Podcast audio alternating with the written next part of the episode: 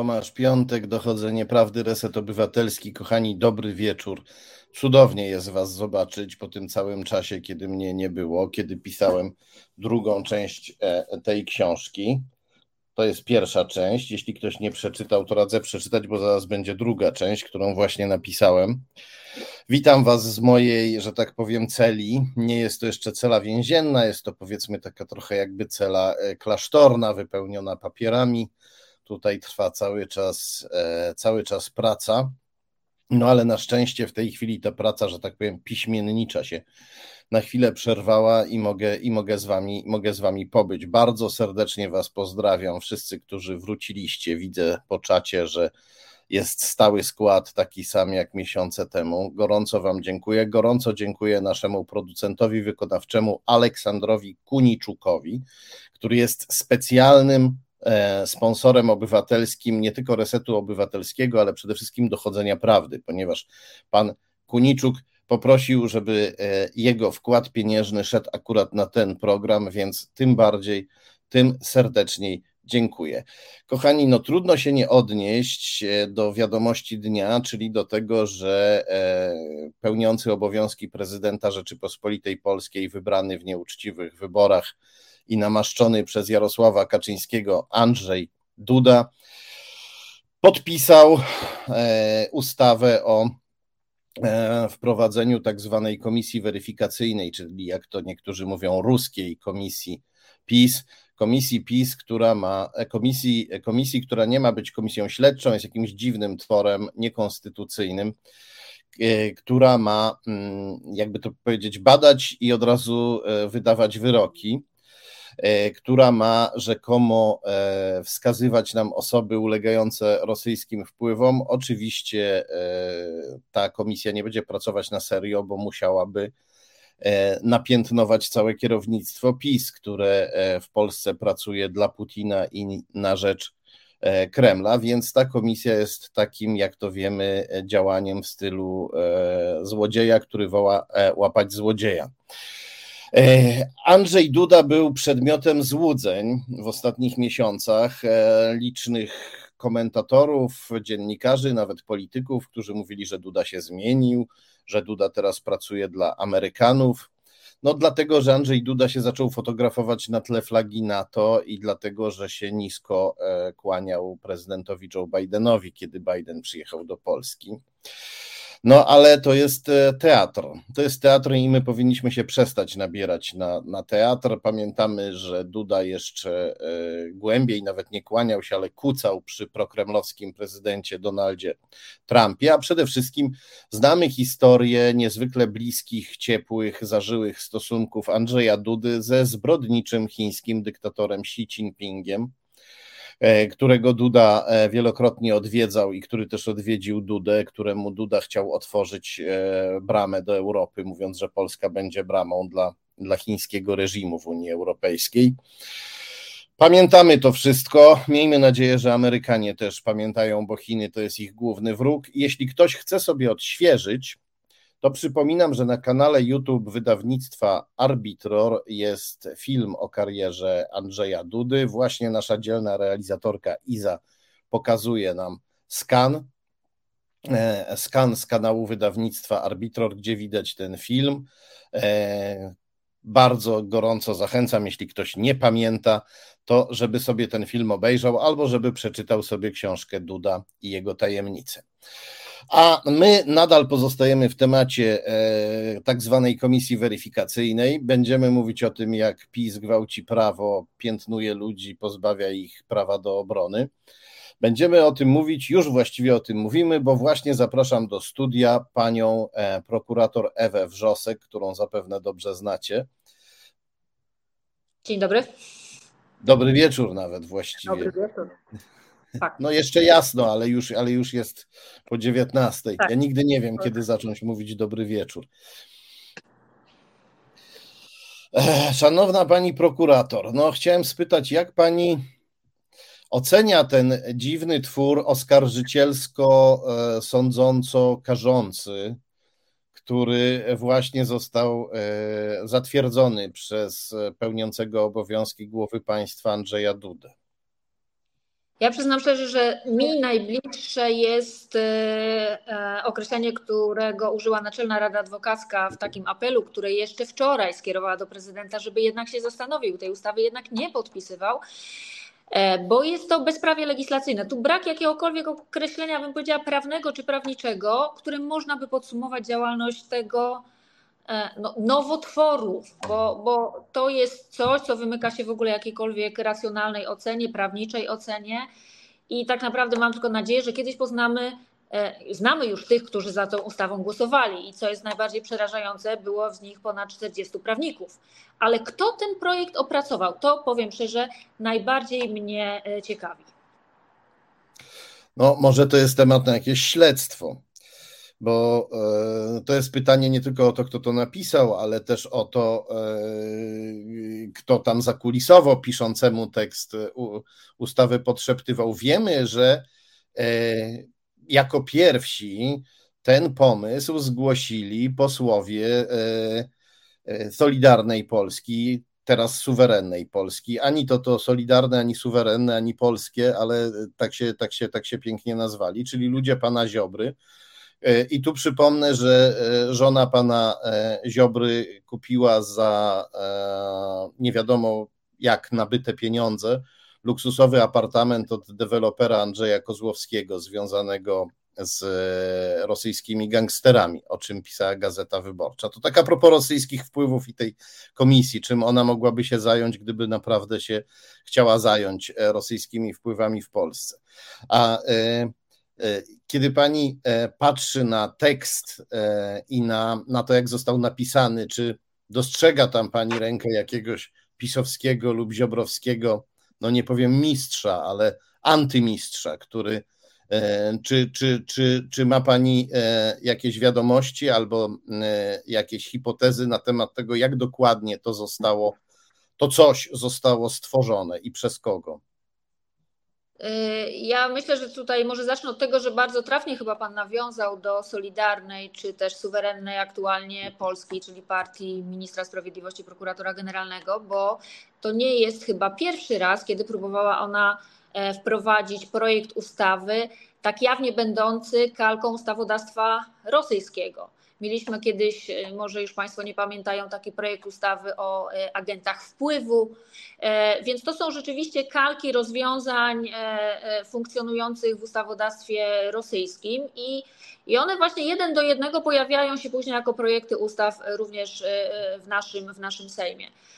Znaczy, ustawa jest ewidentnie napisana pod jakiś cel. Cel jest jeden. E, ta e, nazwa, pod którą ona funkcjonuje publicznie, czyli Lex Tusk, e, to nie jest nazwa, że tak powiem, wymyślona, bo w uzasadnieniu projektu tej decyzji autorzy wprost odwołali się do, do tego, że właśnie okres rządów premiera Donalda Tuska i premiera Pawlaka winien podlegać szczególnemu zbadaniu jako właśnie ten budzący w ich ocenie największe podejrzenia właśnie jeśli chodzi o te relacje, e, relacje z Rosją.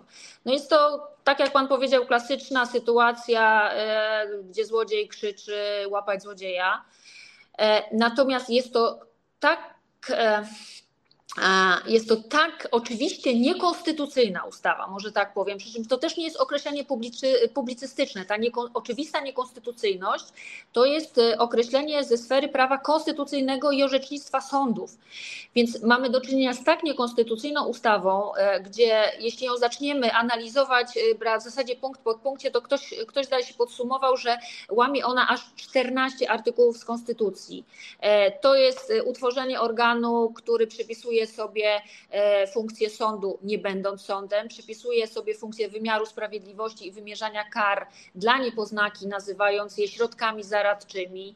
E, jest to organ, który, do, i to jest, to, jest, to jest najbardziej chyba przerażające, on, Komisja do Spraw Wpływów Rosyjskich będzie dysponowała takimi możliwościami, jeśli chodzi o dostęp do e, materiałów, śledztw, postępowań niejawnych, czynności operacyjnych, do których nawet ja jako prokurator czy inni czynni prawnicy nie mają dostępu bez zachowania specjalnej ścieżki. Tutaj na przykład na, na polecenie przewodniczącego komisji komendant główny policji będzie miał obowiązek przedstawić dane telekomunikacyjne, dane pocztowe, dane internetowe, jakiejkolwiek osoby. Ja wiem, już przepraszam, wiem, bo ja się mogę Nie, nie, nie, nie. Ja, tak ja, ja, ja słucham w zadziwieniu, a chciałem przerwać tylko po to, żeby powiedzieć, że to, czyli że pisowska, w takim razie pisowska komisja e, do badania rosyjskich e, wpływów to jest po prostu kolejne narzędzie rosyjskiej agentury, która jest w partii rządzącej i która w ten sposób będzie mogła sobie e, wyciągać dowolne informacje. E, ale oczywiście to w sposób e, zupełnie nieograniczony będzie miała prawo uchylać e, wszelkie tajemnice, za wyjątkiem tajemnicy spowiedzi. E, tak, no tak, tutaj tak, to zastrzeżenie jest. Co więcej, w projekcie ustawy znajdował się nawet taki zapis, że no jeżeli na kimś ciąży, tak jak na przykład na prokuratorze, ciąży obowiązek zachowania tajemnicy służbowej, czy posiada właśnie tej tajemnicy niejawnej, to przed przesłuchaniem, e, musi być on zwolniony z zachowania tej tajemnicy. Ale zapis był tego rodzaju, że jeżeli w przeciągu dwóch dni e, nie zostanie ta tajemnica uchylona, to przyjmuje się z automatu, że ona została uchylona i tak. taka osoba nie może się. No teraz wydłużono ten termin do 10 dni roboczych. No przyznam szczerze, ktokolwiek ma świadomość, jak funkcjonuje w praktyce polski wymiar sprawiedliwości, zresztą pewnie o tym będziemy rozmawiać, o tej praktyce, no 10 dni e, to i tak jest, e, bym powiedziała, nic. Natomiast to jest przerażające właśnie, że ja, ja może tylko zacytuję jedną rzecz. Kto jest obowiązany udzielać wszelkich informacji e, na wniosek tej komisji? I, i proszę Państwa, przez chwilę mnie posłuchają. Szef Agencji Bezpieczeństwa Wewnętrznego, szef Agencji Wywiadu, szef Służby Kontrwywiadu Wojskowego, szef Służby Wywiadu Wojskowego, szef Centralnego Biura Śledczego, prokurator generalny, prokuratorzy, prezes Najwyższej Izby Kontroli, pierwszy prezes Sądu Najwyższego, prezes Naczelnego Sądu Administracyjnego, prezesi sądów powszechnych, sądów wojskowych oraz sądów administracyjnych, organy administracji rządowej i samorządowej, podległe im jednostki organizacyjne, organy samorządów zawodowych, a także inne jednostki organizacyjne i instytucje na wniosek przewodniczącego komisji w terminie i w zakresie przez niego wskazanym zapewniają przewodniczącemu komisji oraz wyznaczonym przez niego e, członkom dostęp do wszelkich, łącznie z zawierającym, e, zawierającymi informacje niejawne, tajemnice przedsiębiorstwa, e, archiwalnych, akt operacyjnych, akt postępowań przygotowawczych, sądowych, a także innych dokumentów niezbędnych do wykonywania zadań komisji oraz zapewniają wszelką inną pomoc przy wykonywaniu e, tych zadań. Czyli odpowiedział Pan, e, znaczy to jest artykuł z tej e, ustawy, który odpowiada na Pańskie pytanie, do czego ta komisja uzyskała dostęp. Praktycznie poza, tak jak właśnie powiedzieliśmy, tajemnicą spowiedzi, zakres informacji jest nieograniczony. I teraz pytanie, ja na to przyznam szczerze nie wpadłam, w jakim to również celu może być wykorzystane. No tak, bo tutaj cele publicystyczne, powiedzmy tam pognębienie Donalda Tuska, czy cele polityczne, odebranie Tuskowi e, prawa do kandydowania w wyborach, pełnienia funkcji, to jedno, no ale z, oprócz tego są też inne cele dywersyjne, wywiadowcze i kiedy pani to powiedziała, to no po prostu zapaliły mi się wszystkie lampki ostrzegawcze. Jeżeli w tej komisji będzie Antoni Macierewicz, co do którego roli chyba tutaj nie mamy wątpliwości, czy Bartosz Kownacki, który y, y, jeździł do Rosji, żeby tam y, legitymizować wybory, pseudowybory przeprowadzane przez Putina. Jeśli tam będzie Adam Andruszkiewicz, który twierdzi od lat, że powinniśmy się przyjaźnić z Łukaszenką, no to to, to, to, to, to mamy teraz, być... Dokładnie. I teraz jeszcze nałóżmy na to taki zapis z tej ustawy, który stanowi, że członkowie komisji nie mogą być pociągnięci do odpowiedzialności za swoją działalność w ramach komisji. Czyli mają Aha. taki glejt na bezkarność. Więc z jednej strony e, nieograniczony i to naprawdę tak przeokrutnie i przepotężnie nieograniczony dostęp do wszelkich informacji, plus archiwalne, plus bieżące, E, plus y, właśnie dla mnie na przykład y, no, jest przerażającą sytuacja, kiedy komendant policji będzie mógł zlecić uzyskanie wszelkich danych właśnie tele, telekomunikacyjnych. Proszę sobie wyobrazić sytuację, że właśnie na przykład pan jako dziennikarz zostanie potencjalnie uznany osobę, za osobę będącą pod wpływem rosyjskim i no, zaczną być sprawdzane pana bilingi, ale to nie dotyczy też również pana, bo przecież pan się z kimś kontaktuje, więc automatycznie w jakby krąg zainteresowania osób, e, które sprawdzają pańskie połączenia telefoniczne, połączenia internetowe, strony, na które pan wchodzi, wchodzą również te osoby, które się z panem kontaktują. Więc nagle po prostu zakres informacji, które w sposób tak naprawdę niekontrolowany, bo nad tą komisją nie ma żadnego nadzoru. Tu nie ma nadzoru sądowego. Decyzje komisji są ostateczne i wprawdzie e, istnieje e, no, taka przyjęta praktyka, że od decyzji komisji można się będzie odwołać do e, sądu administracyjnego, ale no tu wchodzimy na ten grunt prawa administracyjnego, że decyzje są ostateczne i natychmiast wykonalne, więc zniesienie jakiejkolwiek skargi nie wstrzymuje na przykład wykonania decyzji. Na e, funkcjonowanie tej komisji również e, wpływa to, że takie organy jak policja i prokuratura i wszystkie służby mają właśnie obowiązek e, służenia jej wszelką pomocą. I na przykład, jeżeli ktoś postanowi się nie stawić na taką komisję, to w pierwszej kolejności oczywiście są na niego nakładane horrendalne kwoty grzywien 20 tysięcy za pierwsze niestawiennictwo, 50 tysięcy za drugie niestawiennictwo. A dla porównania powiem, że kodeks postępowania karnego również przewiduje karę za za niestawiennictwo na wezwanie, przy czym ta kara w maksymalnej wysokości w zwykłym procesie karnym wynosi 3000 zł. To proszę zobaczyć nawet jaka jest roz, rozrzucona, jaka jest rozpiętość tych kar. E, no a gdy jednak kogoś być może będzie stać na te pieniądze i, i, i e, zapłaci, nie zapłaci, ale nadal się zapłaci, ale się nie stawi, to w następnej kolejności e, pojawia się prokurator, który wydaje zarządzenie o przymusowym zatrzymywaniu, zatrzymaniu i doprowadzeniu przed oblicze komisji, bo również takie uprawnienie tej komisji przyznano. Więc na, i, może tak, jedną rzecz jeszcze powiem, zanim, e, zanim się rozpędzę za zbytnio, proszę mnie tutaj kontrolować. Nie, nie, nie to bardzo ciekawe. Chcę zwrócić Państwu uwagę na jedną rzecz, bo oczywiście my się posługujemy tym ładnym terminem Lex Tusk, myślimy sobie, a to dotyczy właśnie Tuska, może Pawlaka, może jakichś tam innych osób, które e, no, gdzieś tam naraziły się władzy pisowskiej. Nie, proszę Państwa. E, oczywiście pewnie ta komisja nie będzie miała takiej e, mocy przerobowej, żeby się wziąć za nas, za dziennikarzy, za aktywistów, ale ta komisja ma również zapisane w ustawie prawo badania środków masowego przekazu, czyli mediów, e, organizacji związkowych, e, organizacji pracodawców, stowarzyszeń i fundacji. Nawet jest wpisany system służby zdrowia, ochrony zdrowia. Więc tak naprawdę każda osoba może trafić w obszar zainteresowania tej komisji.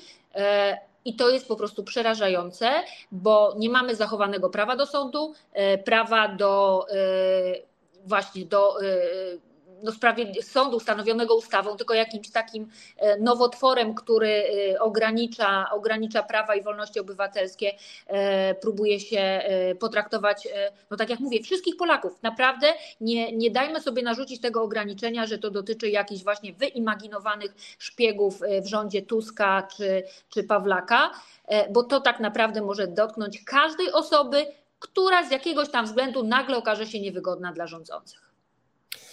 No i tu płynnie przechodzimy do naszego drugiego tematu, bo e, e, e, ja jestem taką osobą, tak samo jak pani.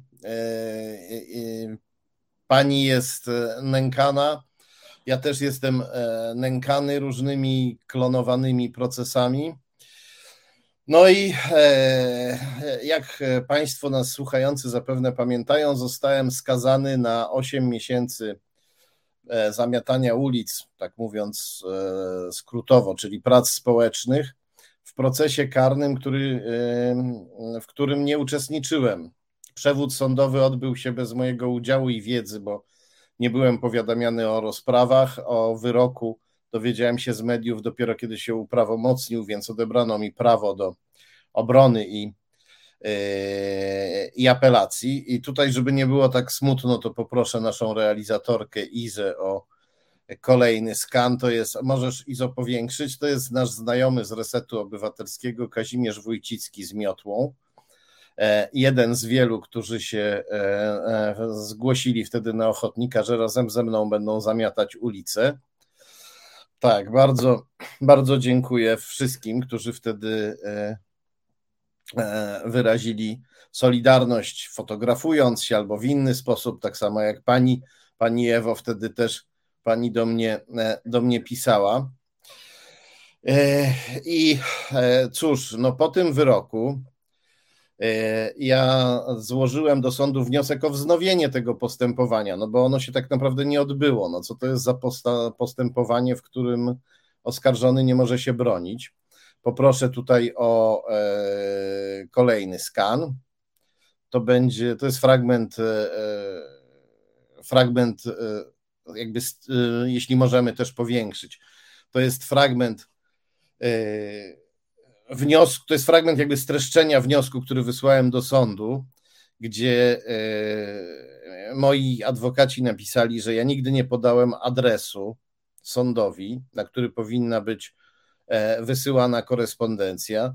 E, adres, na który wysyłano powiadomienia, został podany przez oskarżyciela i to nie był mój adres.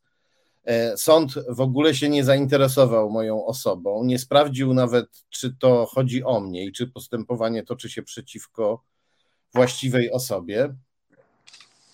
I poproszę jeszcze o następny skan, bardzo ciekawy. To jest fragment o, e, decyzji sądu. E, sędzia Przemysław Filipkowski, sędzia Ziobrowski, który uczestniczył w nękaniu demokratycznego sędziego Tulei, odrzucił e, wniosek o wznowienie postępowania, chociaż tutaj na tym skanie sam musiał przyznać, że litera kodeksu postępowania karnego została e, złamana e, w tym przypadku. Ale powiedział, że ale na, powiedział, napisał, że i tak musi mnie skazać, że i tak muszę wykonać wyrok, bo gdyby przyznać mi rację, to wtedy możliwe byłoby takie nadużycie, że ludzie by y, nie podawali sądowi swojego adresu i przez to by unikali, przez to by unikali procesu. No i on jakby tutaj, y, mówiąc o takim możliwym nadużyciu, on jest ślepy zupełnie na nadużycie, które się właśnie dokonało, polegające na tym, że oskarżyciel podał sądowi mój niewłaściwy adres, a sąd nie, zainteresował się, czy to jest mój adres. I na końcu jeszcze ten sam ziobrowski sędzia Filipkowski musiał przyznać, to widać na dole tego skanu, że ta sprawa, w której mnie skazano bezprawnie, jest do kasacji i że powinien się nią zająć Rzecznik Praw Obywatelskich. No ale mimo to sumienie panu e, sędziemu Filipkowskiemu nie przeszkodziło utrzymać, e, utrzymać wyroku. Kiedy tylko będę musiał iść zamiatać te ulice czy sprzątać te trawniki, to oczywiście dam Wam wszystkim znać. Chciałem Panią, Pani Ewo, no bo Pani zna prawo e, karne jak mało kto, no to jest jakby Pani życie. Chciałem Panią spytać, co, co tutaj się stało? Jak, co ten sąd zrobił? Co, co zrobił sędzia Filipkowski i co zrobił wcześniej sędzia, który wydał E, na mnie wyrok bez mojego udziału. Znaczy, ja przyznam szczerze, jak zapoznałam się i z tym postanowieniem, które Pan teraz pokazuje, i, i w ogóle z no, kulisami tej sprawy, to przyznam szczerze, że ręce mi opadły. Bo zacznę może od takiej podstawowej zasady, yy, którą właśnie przewidują te przepisy kodeksu postępowania karnego, na, na, które również sędzia Filipkowski się powołuje. Przepisy kodeksu postępowania karnego są ukształtowane tak, E, aby stosując je, e, pociągano do odpowiedzialności osobę winną przestępstwa, a są tak e, skonstruowane i tak mają być stosowane, i to jest wytyczna dla wszystkich organów stosujących prawo karne, aby osoba niewinna nie poniosła takiej odpowiedzialności. I oczywiście można e, wyrywać z kontekstu poszczególne artykuły kodeksu postępowania karnego, e, z których będzie wynikało, że sąd, który wydał wobec pana zaoczny wyrok skazujący, miał taką podstawę prawną, bo taka podstawa prawna była. Ale zapomina się o tym, że wyrok zaoczny to jest prawo, a nie obowiązek sądu. I ja tutaj pozwolę sobie zacytować jedno zdanie z e, uzasadnienia e, sędziego Filipkowskiego, bo on przedstawiając tam całą drogę, jak to nie daje wiary panu, że pan nie wiedział niejako, albo powinien pan odbierać korespondencję pod adresem, który wskazał nie pan, a oskarżyciel.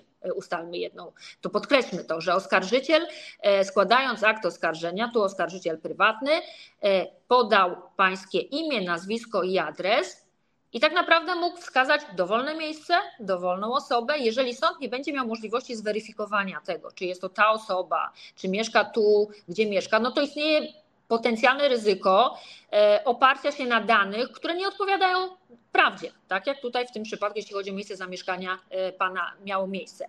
Ale sędzia Filipkowski, e, przeprowadzając taką analizę prawną, co do której, jak będziemy mieć chwilę czasu albo chce Pan usłyszeć moje zdanie, to można się w wielu miejscach jednakowoż e, przyczepić, że tak kolokwialnie powiem, ale używa takiego w pewnym momencie, e, wskazuje, że sąd nie ma obowiązku dociekać, z czego wynika bierna postawa strony. No to jakby stanowi zaprzeczenie e, tego wszystkiego, czemu właśnie powiedziałam, proces karny ma służyć. Proces karny służy do ustalenia tego, kto jest winny i pociągnięcia go do odpowiedzialności, a e, ma na celu zabezpieczenie przed takimi sytuacjami, aby osoba niewinna tej odpowiedzialności nie poniosła. Natomiast nawet taki przepis, który mówi, że wszelkie wątpliwości e, rozstrzyga się na korzyść oskarżonego, te wątpliwości, których nie można usunąć. I wprawdzie to dotyczy kwestii e, faktycznych, czyli popełnienia, okoliczności faktycznych popełnienia przestępstwa, ale idąc duchem jakby kodeksu e, postępowania karnego, no nie można w sposób formalny trzymać się przepisów wyrywkowo wyrywanych z kontekstu, bo tak jak pan powiedział, albo może pan to chce zacytować, to nie pan podał swoje miejsce zamieszkania, to nie pan wskazał adres dla doręczeń korespondencji, zrobił to oskarżyciel prywatny. I teraz tak, w kodeksie zapisana jest formuła, która mówi, że w przypadku prywatnego aktu oskarżenia należy oznaczyć oskarżonego. I teraz pytanie, co, e, czym jest oznaczenie e, oskarżonego? Jakie dane należy tak, e, podać sądowi, kierując przeciwko komuś prywatny akt oskarżenia? I tutaj nie można tego przepisu jakby czytać w oderwaniu od innych przepisów kodeksowych. Jeżeli na przykład w postępowaniu zwyczajnym, czyli nie tym prywatno-skargowym, w postępowaniu, które prowadzi prokurator, ma on obowiązek wskazać imię i nazwisko oskarżonego, wszelkie jego dane, ale adres zamieszkania, adres y, korespondencyjny, adres poczty mailowej, numer telefonu, a jeśli nie jest w stanie wskazać tych wszystkich danych, to musi wprost wskazać, że nie był w stanie ich ustalić. Więc e, o ile miejsce zamieszkania w sytuacji, kiedy jesteśmy tak mobilni, to nie jest miejsce, że jeżeli gdzieś byliśmy przed rokiem, to znaczy, że po roku również będziemy w tym samym miejscu. E, nie ma obowiązku meldunkowego. Nikt nie musi przebywać pod adresem, który w aktach stanu cywilnego figuruje jako jego adres e, zameldowania.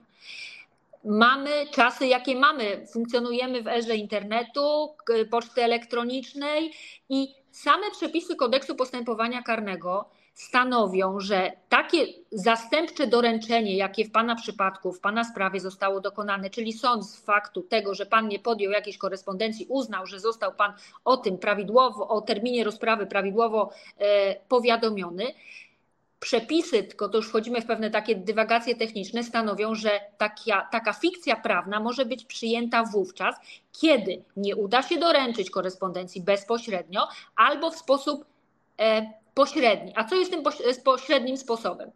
E, właśnie przez pocztę, e, właśnie przez administrację domu, w którym pan mieszka, przez e, sąsiada, przez gospodarza domu. No tak, ale tutaj dodam, że mamy w tej chwili znacznie szybsze i lepsze sposoby. Wystarczy kliknąć w internecie, zobaczyć adres mojego wydawnictwa, zobaczyć, jacy prawnicy mnie reprezentują.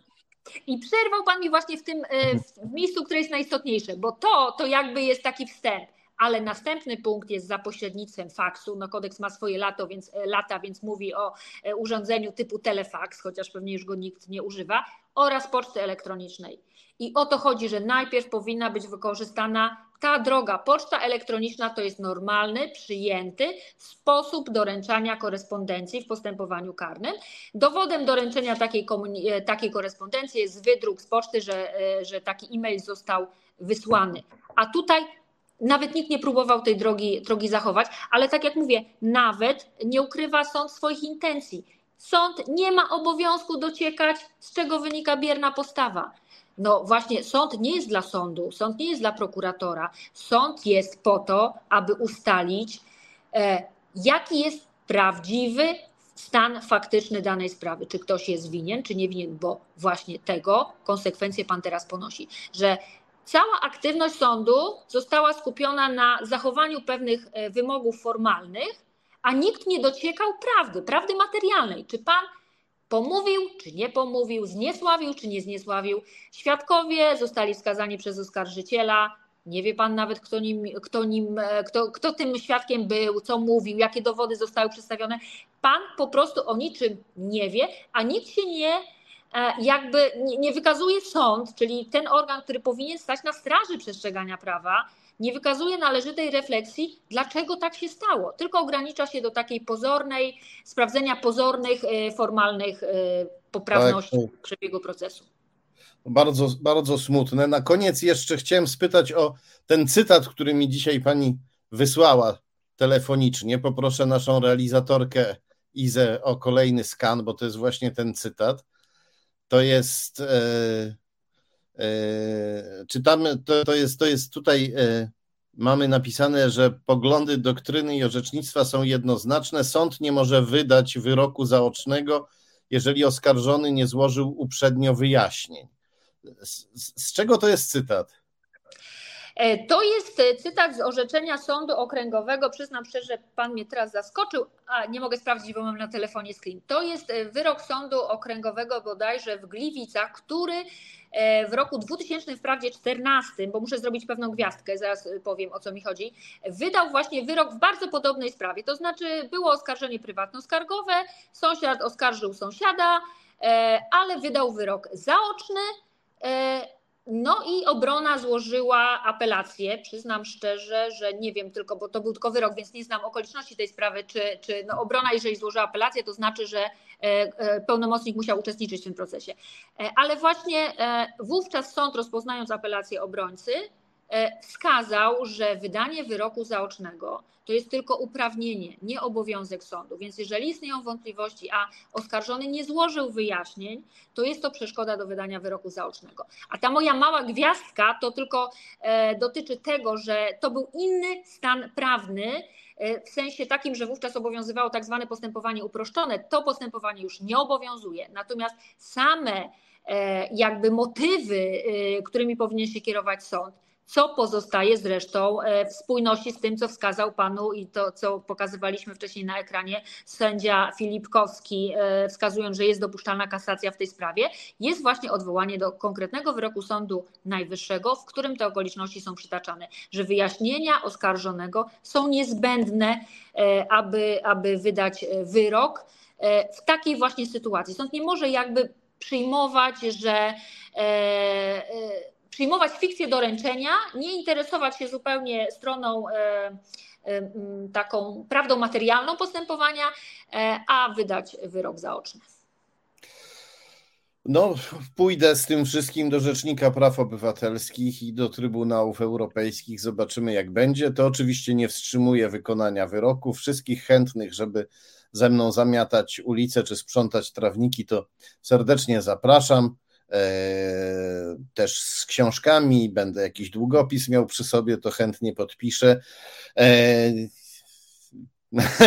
No, muszę, ja, ja, będę, ale ja jeszcze jedną rzecz, przepraszam, muszę tak, powiedzieć, tak. bo to jest bardzo istotne, to trochę może pozaprawne, ale Pan bardzo słusznie zwrócił uwagę, że ta sprawa i w ogóle szereg tych wszystkich postępowań, które są przeciwko Panu prowadzone, to są takie kliniczne i klasyczne postępowania slapowe, czyli takie strategiczne powództwa, żeby kogoś wyeliminować z życia publicznego, żeby mu utrudnić życie, żeby go e, pozywać w takiej ilości spraw, że on sam już traci orientację, gdzie w danym dniu, na jakiej sprawie ma się stawić.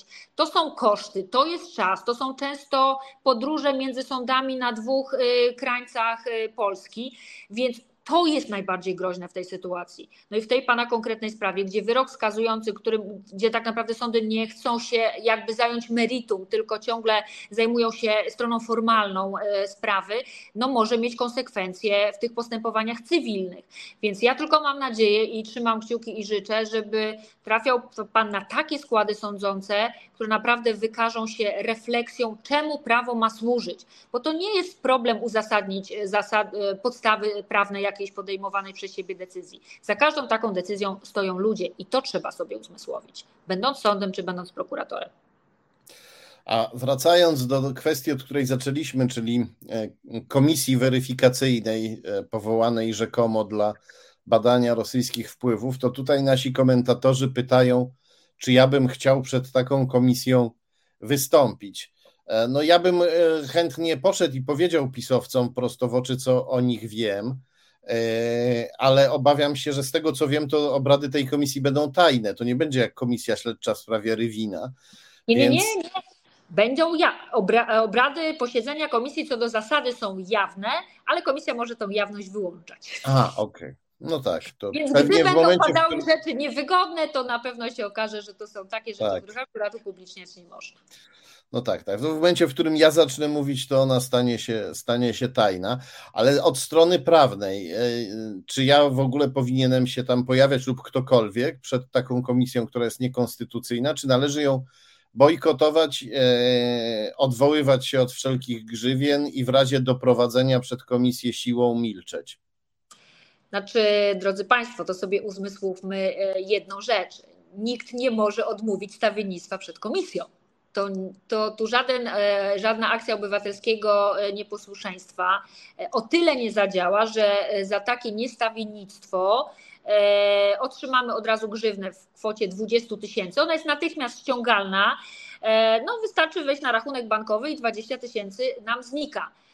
Jeżeli powtórzymy to, czyli będziemy trwali w, uporze, to następnym razem sąd, sąd komisja ściągnie z naszego konta 50 tysięcy złotych. A jeżeli i to nie zaskutkuje, to tak jak powiedziałam, przyjdzie prokurator, wyda postanowienie i policja po prostu doprowadzi siłą. Więc tutaj nie ma możliwości niestawiennictwa, pod tymi rygorami, o których mówiłam, i nie można się od tego odwołać. Można łaskawie napisać do komisji z wnioskiem o rozpatrzenie zasadności e, nałożenia tej kary. Natomiast nie ma organu, do którego się można odwołać, tak organu niezależnego od komisji który mógłby zweryfikować. Nie mogę, nie, mogę do, na przykład do Naczelnego Sądu Administracyjnego ani do żadnego nie, innego sądu. Nie, nie na karę grzywny za, nieusprawi za nieusprawiedliwione niestawiennictwo, bo tak to będzie traktowane. Nie ma organu zewnętrznego, który by oceniał, e, oceniał zasadność. Można się będzie jedynie zaskarżyć na przymusowe doprowadzenie. Wtedy tak, wówczas na przymusowe doprowadzenie służy skarga mhm. do sądu. To tylko wówczas. Ale mm. 50 tysięcy jak zniknęło, tak już go nie będzie. A po, dopro, przy, po doprowadzeniu, czy powinienem zeznawać w ogóle przed niekonstytucyjnym organem, czy powinienem milczeć? No wybór oczywiście zależy od osoby przesłuchiwanej, ale tak jak e, wróćmy do początku, za bezpodstawną odmowę złożenia zeznań, ten sam mechanizm 20 tysięcy, 50 tysięcy.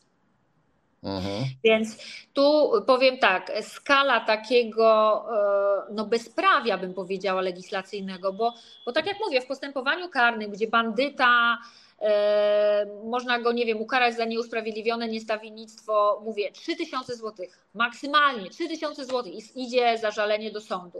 Tak tutaj e, jest to 50 tysięcy złotych. A, e, a mówimy, no właśnie mówimy o kim? Mówimy o politykach, mówimy o dziennikarzach, bo tak naprawdę ja, ja tu ma, ja e, jakby nie wierzę tylko w tą e, w skuteczność tej komisji z jednego powodu. Jest naprawdę bardzo mało czasu, więc tak naprawdę e, wydaje mi się, jeszcze jak tak słuchamy tego, co pan premier Tusk opowiada, pewnie jest jakiś tajny plan na funkcjonowanie tej komisji, jeśli chodzi o jego uczestnictwo, czy też brak uczestnictwa przed tą komisją, ale do 17 września ma być wydany raport. No to byłoby nie było. E, ustawa lada moment wejdzie w życie. Oczywiście mam nadzieję, że Państwo mają świadomość, że to weto, które, e, przepraszam, ta, to skierowanie ustawy do Trybunału Konstytucyjnego, które po podpisaniu e, zrobił prezydent Duda, to nie wiem w zasadzie o czym świadczy, bo oczywiście e, abstrahując od tego, czym jest, a czym nie jest Trybunał Konstytucyjny i że nie działa e, zamiast działać i co tam się w środku dzieje, to już jest jedna sprawa. Natomiast ta ustawa wchodzi w życie, więc to ta, ta następcza kontrola konstytucyjności no jest taką fikcją prawną trochę. Chociaż na miejscu pana prezydenta ja bym się zastanowiła, jak on teraz y, jakby wyjdzie z takiego dysonansu poznawczego, bo podpisał ustawę, a jednocześnie kieruje wniosek do Trybunału Konstytucyjnego o zweryfikowanie konstytucyjności tej ustawy, czyli musi wskazać te rzeczy, które jego zdaniem są niekonstytucyjne w mojej ocenie to się kłóci. Tak? Nie, można, nie można teraz udowadniać, że ustawa jest niekonstytucyjna w tym czy w tym, w tym punkcie. I ja jako prezydent właśnie na to wskazuję i proszę Trybunał Konstytucyjny o, o zbadanie tych podniesionych przeze mnie kwestii, ale nie miałem wątpliwości, podpisując tą ustawę w tempie, w tempie tak naprawdę ekspresowym. Tak? W piątek ustawa została e, prze, przeprocedowana przed Sejmem. E, a, a już w poniedziałek rano mamy podpisaną. Wchodzi to, jest takie, życie... to jest trochę takie myślenie rąbne gościa, wezmę mu portfel, a potem się wyspowiadam. E, tak, a z tajemnicy spowiedzi na szczęście nie trzeba, nie można zwolnić. Nie, znaczy, bardzo, znaczy ja rozumiem te, te, nasze żarty, ale ja powiem szczerze, gorzkie. ja może jestem na. Tak, one są bardzo gorzkie bo, bo ja naprawdę ja nie wierzyłam, że prezydent zdecyduje się na podpisanie tej ustawy. Naprawdę nie mogę uwierzyć, że jakikolwiek prawnik, e, bo ja rozumiem oczywiście instrumentalne, polityczne zapotrzebowanie, znaczy rozumiem, nie pochwalam, ale jestem w stanie jakby docieram, dociera to do mnie, że może ktoś jakiś tok rozumowania przeprowadził, że, że to mu się opłaca politycznie i że to jest jedyna rzecz, która mu pomoże przed wyborami. Ale naprawdę nie jestem w stanie pojąć, a jestem prokuratorem z prawie już 30-letnim stażem, jak jakikolwiek prawnik mógł się podpisać pod projektem tej ustawy, mógł głosować jako poseł za nią, a teraz jeszcze pewnie w najbliższych dniach to się jeszcze nasili, e, prezentować jakieś argumenty, e, które uzasadniają no w zasadzie nie wiem co. To są, to są chyba jakieś mechanizmy, które sobie ktoś tam powłączał, żeby, żeby jakoś się e, lepiej z tym czuć. Natomiast tu nie ma cienia nawet argumentu prawnego i jest to tak oczywiste dla studenta prawa, to naprawdę nie trzeba być prawnikiem. Dla studenta prawa w ilu miejscach ta, ta, ta ustawa jest niekonstytucyjna, że no budzi to tylko moje przerażenie, że jednak ktoś się pod tym podpisał, zagłosował, i będzie to stosowane niestety. No cóż, przypomnę, że prawnikiem, a nawet prawoznawcą jest Jarosław Kaczyński, który e, został doktorem prawa za czasów PRL-u dzięki protekcji takiego uczonego, który się nazywał Stanisław Erlich i który e, doradzał SB-kom z Ministerstwa Spraw Wewnętrznych, jak tutaj na przykład omotać czy uwikłać różnych ludzi, między innymi Zbigniewa Brzezińskiego, ojca obecnego ambasadora USA w Polsce. E, e, I Stanisław Erlich twierdził, że prawo jest po prostu narzędziem politycznym, dzięki któremu władza może gromić i niszczyć zgniłe elity, i Jarosław Kaczyński najwyraźniej w to ciągle wierzy. No jest to bardzo przykre, ale chyba tak to właśnie jest. Bardzo dziękuję za naszą rozmowę i za wszystko, co pani robi. I ja bardzo, serdecznie pozdrawiam. Do zobaczenia. Mam nadzieję, że nie przy miotle. Wszystkiego dobrego i trzymam kciuki. Wszystkiego dobrego, tak. I proszę dawać znać, gdyby coś się działo. Chętnie porozmawiamy o tym, gdyby, jeśli, jeśli będą, a pewnie będą znowu panią atakować. Miejmy nadzieję, że nie, ale wszystko przed nami. Trzymajmy się wszyscy, proszę Państwa. Kiedyś w końcu ta, ten okres smuty się musi skończyć. Tak jest. Do zobaczenia. Dziękuję. Dziękuję. A my już za chwilę, właściwie teraz, zaczynamy rozmowę z naszym e, kolejnym gościem, również niezwykłym, z Robertem Ziółkowskim. Bardzo serdecznie witam pana, panie Robercie. Dzień dobry, panie redaktorze, dzień dobry, szanowni państwo. Proszę Państwa, gdyby ktoś nie wiedział, Robert e, Ziółkowski był e, szefem do spraw bezpieczeństwa, tak mówiąc skrótowo, w e, polskim holdingu hotelowym i Robert Ziółkowski ujawnił to, że pisowskie służby w tych hotelach podsłuchiwały polityków opozycji i działaczy opozycyjnych, nie tylko polskich, także przywódczynię białoruskiej opozycji Światłanę Cichanowską, od której chciałbym zacząć, no bo to jest dla mnie najbardziej szokująca sprawa. Jest wrzesień 2020 roku. Pani Cichanowska udało jej się wyrwać z łap Łukaszenki i jego reżimu, jest w Polsce, jest w Unii Europejskiej, jest e, przekonana zapewne, że tutaj e, e, no, nikt jej nie będzie bezprawnie inwigilował. Przyjeżdża do hotelu Marriott przy warszawskim lotnisku Okęcie, żeby spotkać się z przedstawicielami polskiej opozycji. I wtedy pan, panie Robercie, dostaje od swojego szefa, prezesa polskiego holdingu hotelowego, pana Georgia Mariana Kristesku, dostaje pan taki niezwykły e-mail. Czy mógłby pan powiedzieć? Słucham. Panie redaktorze, y, drobne sprostowanie, przepraszam. Tak. E, po pierwsze, y, to nie ja ujawniłem, e, jeżeli chodzi o panią Cichanowską to ujawnił sam prezes Kristesku, przesyłając tego maila, maila do niejakiego Joachima Brudzińskiego, jego serdecznego przyjaciela. To po pierwsze, a ten mail mm. wypłynął w poufnej rozmowie. O tym za chwilę. A Ale maila nie otrzym... Okay. Ja, ujawni... ja ujawniłem e, inwigilację pana Bartosza Kramka z otwartego dialogu. E, ja też e, wcześniej, kiedy z redaktorem Czuchnowskim, kiedy jeszcze nie była publikacja dawałem do zrozumienia, czy nawet wprost mówiłem, że agenci ABW zadawali pytania, czy tam na przykład sypiają politycy Platformy, kiedy zobaczyli moją minę, szybko zmienili temat, zrozumieli, że tutaj e, nie będziemy na ten temat rozmawiać. Natomiast mail, o którym mowa, on trafił do mnie, był rzeczywiście do mnie adresowany z kopią do wiadomości prezesa Kristesku, bo tak jak mówiłem, w holdingu nie działo się nic bez wiedzy pana prezesa nic. E, a on był e, adresowany do mnie przez e, dyrektora Courtyarda Marriott, pana Artura Derela. Aha, tak czyli to taką drogą poszło. Tak, tak. I teraz taka drobna ciekawostka, panie redaktorze. Jak się ten mail w ogóle znalazł na poufnej rozmowie? Bo to jest klucz.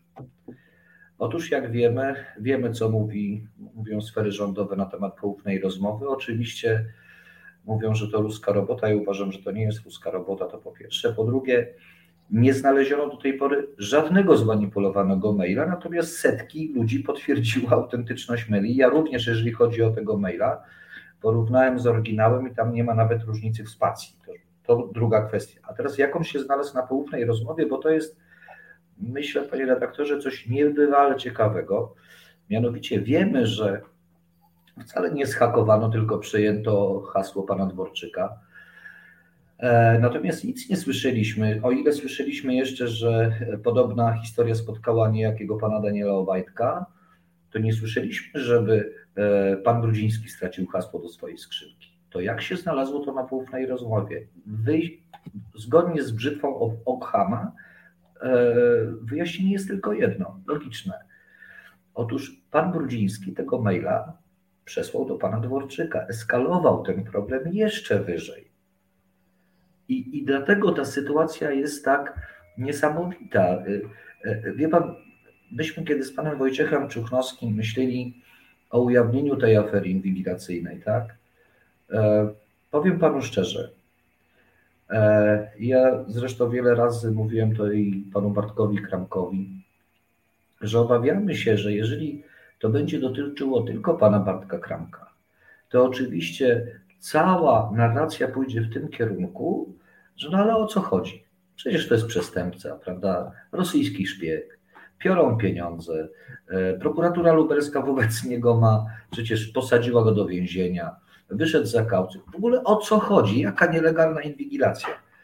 I dlatego myśmy się wstrzymywali. I takim bezpiecznikiem, czy takim jakby detonatorem, który odpalił tą całą aferę, był właśnie mail w poufnej rozmowie, kiedy się okazało, że to pan Krystysku przekazał panu Brudzińskiemu jak dziesiątki innych rzeczy. Nie wiedzieć czemu w ogóle informuje o życiu spółki, o bardzo ważnych sprawach biznesowych. W ogóle to nie powinno pana Brudzińskiego w ogóle interesować, ale interesuje. I tak to się zaczęło i, i, i ma ciąg dalszy i będzie miało ciąg dalszy. A kiedy pan dostał tego maila dotyczącego Cichanowskiej? Kiedy on dotarł do pana? Tam jest data, panie redaktorze. Wystarczy w tej poufnej rozmowie. Teraz nie chciałbym się pomylić. Ale czyli rozumiem, że w, w, tym samym momencie, kiedy inni adresaci. Absolutnie tak. Roz... No, Zresztą ja wtedy to, to, powiedziałem nie, panu... To, o to mi chodziło, kiedy mówiłem, że on był że on, był, że on był wysłany do pana, no bo był wysłany jakby również do był pana. Był jako kierownika bezpieczeństwa, tak. bo też kontekst był taki, że ja z panem Derelą na ten temat rozmawiałem i powiedziałem mu wprost, Artur, trzymaj się od tej sprawy z daleka, bo to po prostu jest e, to śmierci. Zresztą, wie pan, jak zeznawałem, czy składałem wyjaśnienia, może zeznawanie to złe słowo, na komisji pani Kluzik-Rostkowskiej, to myśmy tak poza gabinetem, e, poza tą komisją sobie jeszcze usiedli, piliśmy kawę i ona mówi, ale panie Robercie, pan mi wyjaśni, przepraszam, zacytuję, szanowni państwo, to nie jest kwestia wulgaryzmu, ale po cholerę oni to zrobili, tak? No przecież myśmy jako Platforma Obywatelska zgłosili tą sprawę. E, tam był SOP, prawda? Sfery rządowe o tym wiedziały, że my się spotykamy. Potem, po tym spotkaniu, e, Kluzik Roskowska wraz z innymi, była konferencja prasowa i ona nie może pojąć, po co oni to zrobili. Więc powiedziałem znowu, wyjście jest proste. Oni koniecznie chcieli wiedzieć, czego pani nie powiedziała na tej konferencji prasowej. To takie znamienne. Gdyby tam byli, pewnie by nie podsłuchiwali.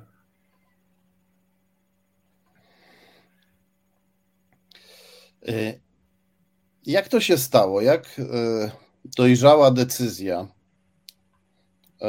w Pana przypadku, żeby o, o tej sprawie poinformować opinię publiczną? Panie redaktorze, to jest tak. Ja współpracując, pracowałem od lutego 2019 do 30 e, listopada 2021.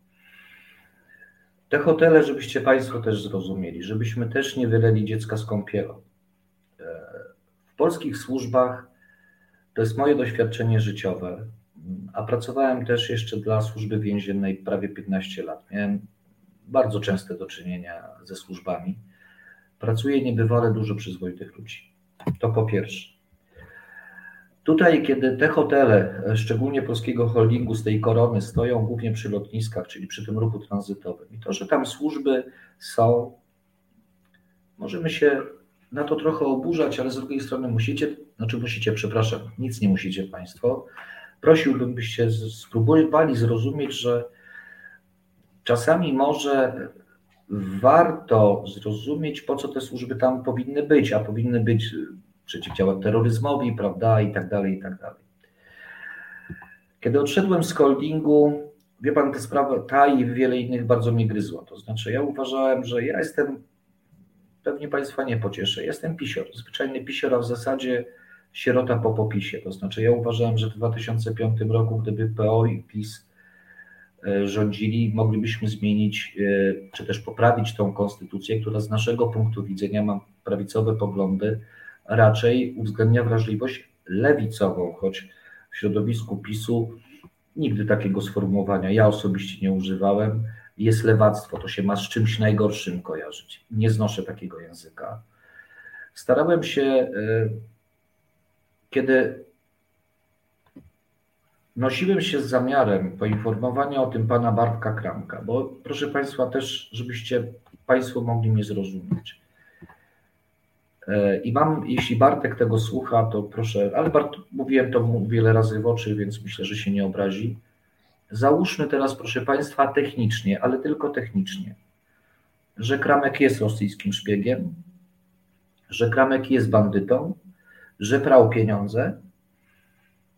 Okej, okay to od tego są legalne metody. Ale państwo nie może być gorszym bandytą niż bandytę, którego ściga. Proszę Państwa, jeżeli ktoś trafi na nasz gorszy czas, chora żona, może dziecko, to przepraszam, zrobienie z człowieka nawet łapówkarza to nie jest wielki problem. Państwo nie może tak działać. Od tego są sądy, Mam nadzieję, że jeszcze w znacznej mierze wolne i niezawisłe. A dzisiejsze dymisje sędziów e, z Izby Karnej pokazują, że tam ludzie jednak mają kręgosłup. Po tym, jak objął kierownictwo nad tą izbą, sędzia z neokRS-u. Ale my się nie możemy zgadzać na to, żeby, przepraszam, ścigając e, przestępcę, państwo było gorszym przestępcą. To znaczy co? Jeżeli będziemy ścigali mordercę, to państwo ma po drodze prawo zabijać przechodniów? Przepraszam, proszę państwa, nie. To jest bardzo nie. dobra metafora. I teraz, panie redaktorze, jeżeli ja bym tego nie zrobił, ja się z tym nosiłem kilka miesięcy. Zanim sprawa w ogóle ujrzała światło dzienne, to pan Kramer to też już wiedział od kilku miesięcy. Jak ja będę miał moralne prawo, kiedy przyjdą, podrzucą, ja miałem przeszukanie w domu pod, pod względem nielegalnej broni i amunicji. Jakie będę miał prawo narzekania na ten świat, że mi jakiś funkcjonariusz podrzucił z kieszeni pięć nabojów na przykład? Będę miał moralne prawo? Nie będę miał. Więc musiałem sobie odpowiedzieć, panie redaktorze, na elementarnie podstawowe pytanie. A tego Państwo może o mnie nie wiecie, nieszczególnie się tym chwalę, ale to było miejsce, w którym poznałem najwspanialszych ludzi na świecie, ale też niekoniecznie miłych ludzi. Ja spędziłem kilka lat w seminarium duchownym i tam mnie nauczono jednej rzeczy. Chodź wyprostowane. A grzech, proszę Państwa, czy, czy Jan Paweł II w encyklikę Veritatis Splendor zapytał, to może taka ciekawostka, ale też, żebyście Państwo zrozumieli mój sposób myślenia. Dlaczego? Bo to jest ważne. Zapytał, czy jeżeli lekarz przyjdzie do chorego pacjenta, który wiadomo, że za 5 minut umrze, i, i pacjent go zapyta, panie doktorze, jak będzie, a lekarz powie, będzie pan żył, to czy lekarz popełnił grzech kłamstwa? Popełnił. Bo kłamstwo jest kłamstwem, niezależnie jakie mamy intencje. Ale właśnie te intencje są ważne, jeżeli chodzi o odpowiedzialność. O to, żeby wstać na drugi dzień i iść dalej. Ja mam syna, który ma 22 lata, córkę, która ma 16. Jeżeli całe ich życie uczę, że trzeba iść wyprostowanym, to ja mam się kundlić, chodzić na czworakach? Państwo nie rozumiecie na pewno. Ja mieszkam w Polsce powiatowej. Tu zniszczenie człowieka to jest policjant, szef e, urzędu skarbowego i wójt jest po wszystkim. Czy ta sprawa mnie kosztuje? Kosztuje. Ale i to kosztuje dużo. Ale jak mnie pan zapyta, czy państwo, czy było warto, tak jest warto. Po prostu jest warto. Bo na końcu, jeżeli tego nie zrobię, jeżeli nie stanę, nie będę stał po stronie zasad, nie mam prawa oczekiwać od innych ludzi, żeby wobec mnie stosowali prawo i zasady. Było, to jest głupota, to jest mentalność Kalego. Tak nie wolno. Teraz ktoś powie, a dlaczego dopiero teraz? Proszę Państwa, nie, nie było w ogóle dobrego czasu. Bo gdybym od razu po odejściu z holdingu to powiedział, to by powiedział, o, mści się na holdingu. Tak? Proste. Pewnie go zwolnili, nie zwolnili. Trzykrotnie sam się zwolniałem, proszę Państwa, dopiero za trzecim razem skutecznie to trzeba było przemyśleć, trzeba było zabezpieczyć dobro swojego rodziny, bo ja wiedziałem, że to rodzinę będzie szalenie dużo kosztowało. Moją żonę, moją córkę. Jestem niebywale im wdzięczny, że stoją obok i mówią, damy radę. Choć to damy radę, to nam się wszystkim cenę. Płacą, panie redaktorze, ale jeżeli ludzie się jednak kochają i przechodziliśmy przez dużo gorsze rzeczy, to czy to jest takie straszne? Nie. Nie. Bo jeżeli żona, wie pan, y, kiedyś y, na ślubie, jak mnie zapytała, czy tak do końca życia, to powiedziałem, że się będę starał. Ale jednej rzeczy, ale gdyby coś tam się w życiu wydarzyło, tak, bo życie jest bogatsze od nas samych, to jednej rzeczy sobie nie róbmy, nie oszukujmy się, tak, bądźmy wobec siebie fair. Jeżeli dzisiaj żona widzi, że jestem w zgodzie z wartościami, które wpajałem dzieciom i sobie, i w domu, i dalej idę tą drogą, boli, boli. Ale warto, wie pan, jak się idzie na świnicę, mój ukochany szczyt, to też nogi bolą. Ale nagroda jest w ogóle. Teraz tylko widzi pan, ja musiałem też zrobić jedną rzecz. Wyjść na szczyt to jeszcze jedno. Ale ja muszę jeszcze z niego zejść i się nie zabić. Jest wielu zdobywców Monteverestu, ale nie dotarli do szóstej, szóstej kwatery. Nie przeżyli tego zdobycia. Więc to trzeba robić rozsądnie. Ja powiedziałem w TOK FM-ie, mam taką strategię, oni kłamią. Nie kłamią dalej, tym upadek będzie większy. Będzie szachmat. I tutaj nasi komentatorzy pytają, jeden z komentatorów pyta, czy jest tam, w sensie na prawicy, jeszcze chociaż jeden podobny panu. Ja przypuszczam, że jest e, takich więcej, tylko że e, nie, nie wychylają się albo być może ciągle jeszcze wierzą w ten, w ten rząd. Jak pan uważa, jak można dotrzeć do, do ludzi o pańskich poglądach, żeby nie W ogóle nie trzeba, w ogóle nie trzeba docierać, panie redaktorze. Proszę państwa, ja zaraz powiem, ile jest ludzi. I na tą drugą część za chwileczkę. Y, kiedy w niedzielę Wojciech Czuchowski, redaktor Wojciech Czuchowski do mnie zagłosił, powiedział: Robert, w poniedziałek jest, y, startujemy z tematem, tak? Będzie, będzie y, publikacja. Kiedy wstałem rano, całą noc nie spałem. Wstałem o 5 rano, zapiłem jedną kawę, drugą, trzecią i nie otwierałem laptopa. Bałem się, proszę Państwa, bałem się otworzyć laptopa, co będzie. Tego hejtu, e, ludzi z prawicy, z mojego otoczenia, powiedzą zdradziłeś, jesteś nie fair. Ale potem tak, jeden SMS, drugi, piąty, dziesiąty, Messenger, WhatsApp i wie pan, wieczorem okazało się, że wszystkich przyjaciół, których miałem, mam nadal. Co więcej, oni dzwonią, mówią, jesteśmy z tobą. Zawsze miałeś charakter i dzisiaj go po prostu pokazałeś. Więc proszę Państwa, ludzi na prawicy tak zwanej jest naprawdę bardzo wiele. Oczywiście jest tak zwany sztywny elektorat i gdyby jutro, przepraszam, PiS, znaczy nie wiem, co jeszcze może gorszego zrobić, no bo dzisiaj Duda podpisuje, przepraszam, nie powiem już prezydent. Proszę Państwa, głosowałem na e, Donalda Tuska na prezydenta. Mi się Kaczyński lek nie podobał, ale w momencie, kiedy został prezydentem, to był mój prezydent.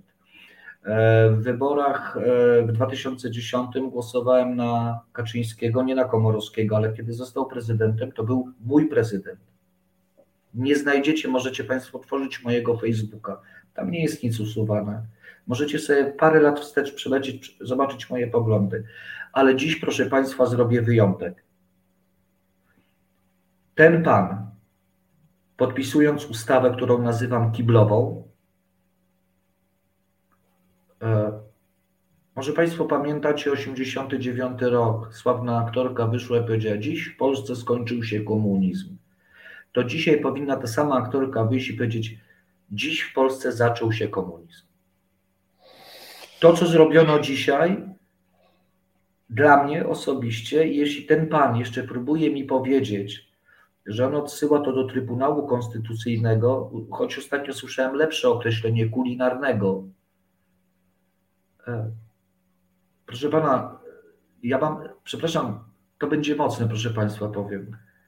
A czy ten człowiek ma nas zadebili?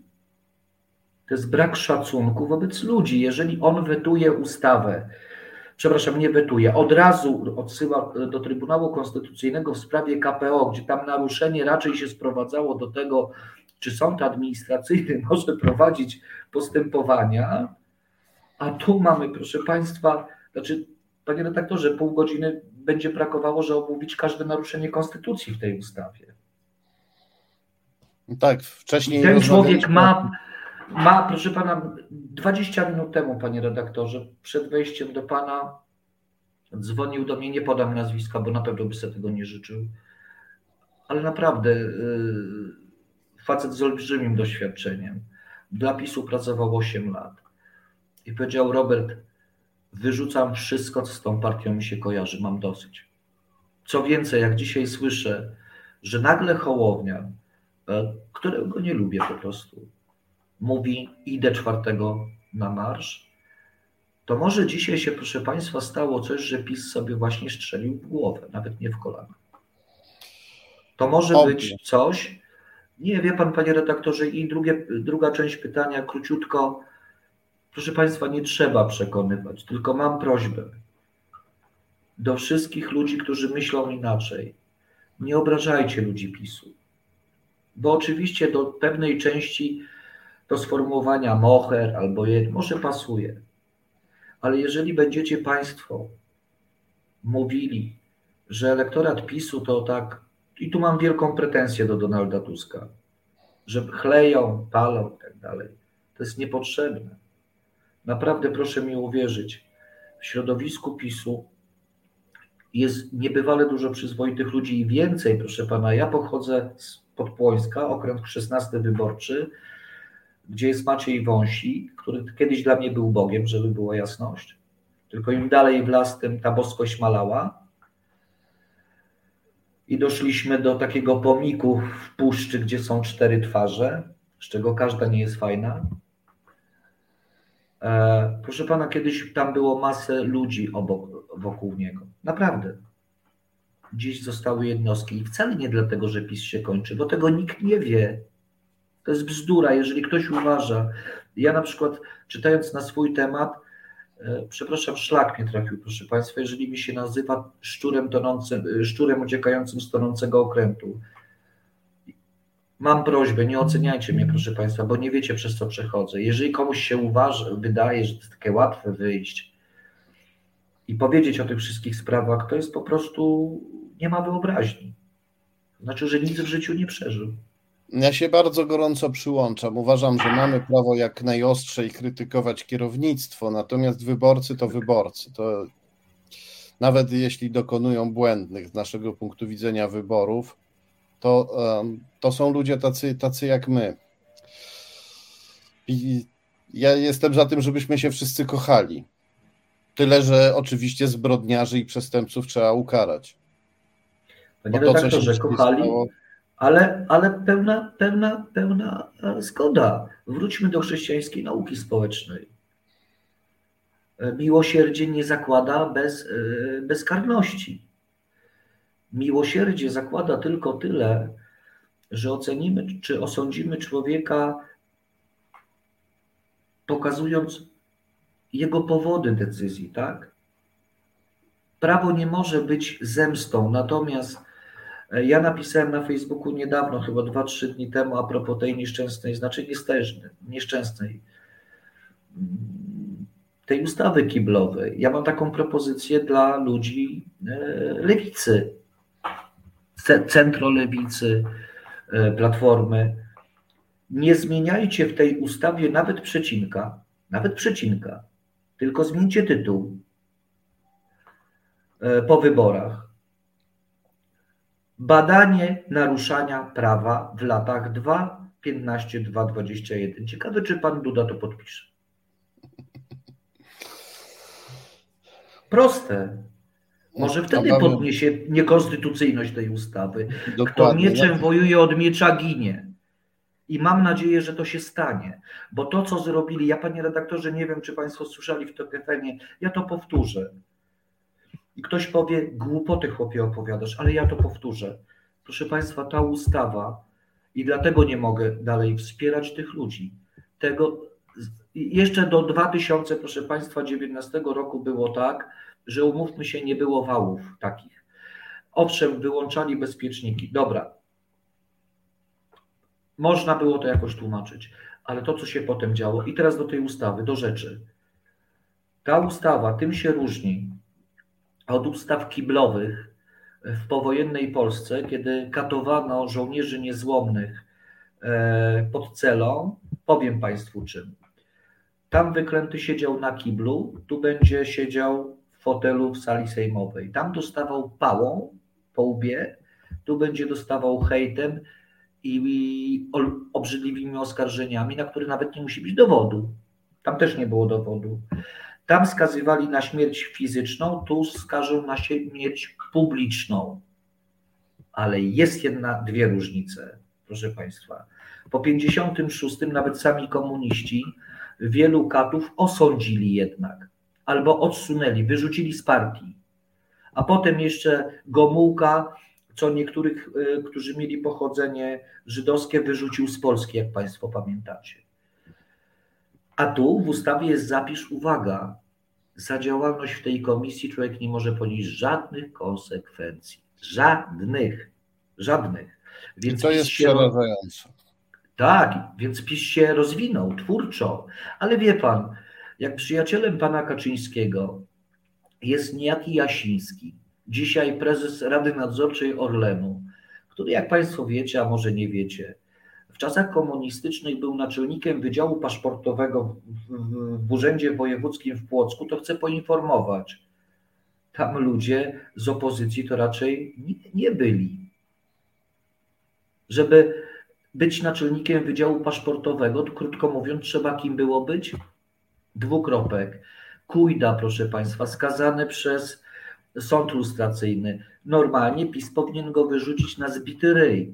A co się okazuje? Pan prezes Kaczyński ma inne zdanie w tej chwili. Nie zgadza się z wyrokiem sądu lustracyjnego. Pan Piotrowicz, prokurator w stanie wojennym, może być w trybunale? Może, ale jak trzeba było rozwalać Sąd Najwyższy, to się znalazło jednego sędziego, który wtedy wcale po prostu był w stanie wojennym przeniesiony i faceta skazał za urodki, bo dużego wyjścia nie miał. Tylko uwaga, mógł go skazać na 10 lat, a skazał na rok. Więc to, co dzisiaj się dzieje, to jest coś nieprawdopodobnego. To znaczy, albo my się wszyscy obudzimy, tylko żebyśmy my się wszyscy obudzili, panie redaktorze, to my się, ludzie lewicy, prawicy, centroprawicy, konfederacje, powiem tak, niekoniecznie chcę, bo jak człowiek mi wychodzi i mówi kraj bez Żydów, gejów, nie, nie, to nie jest moja bajka.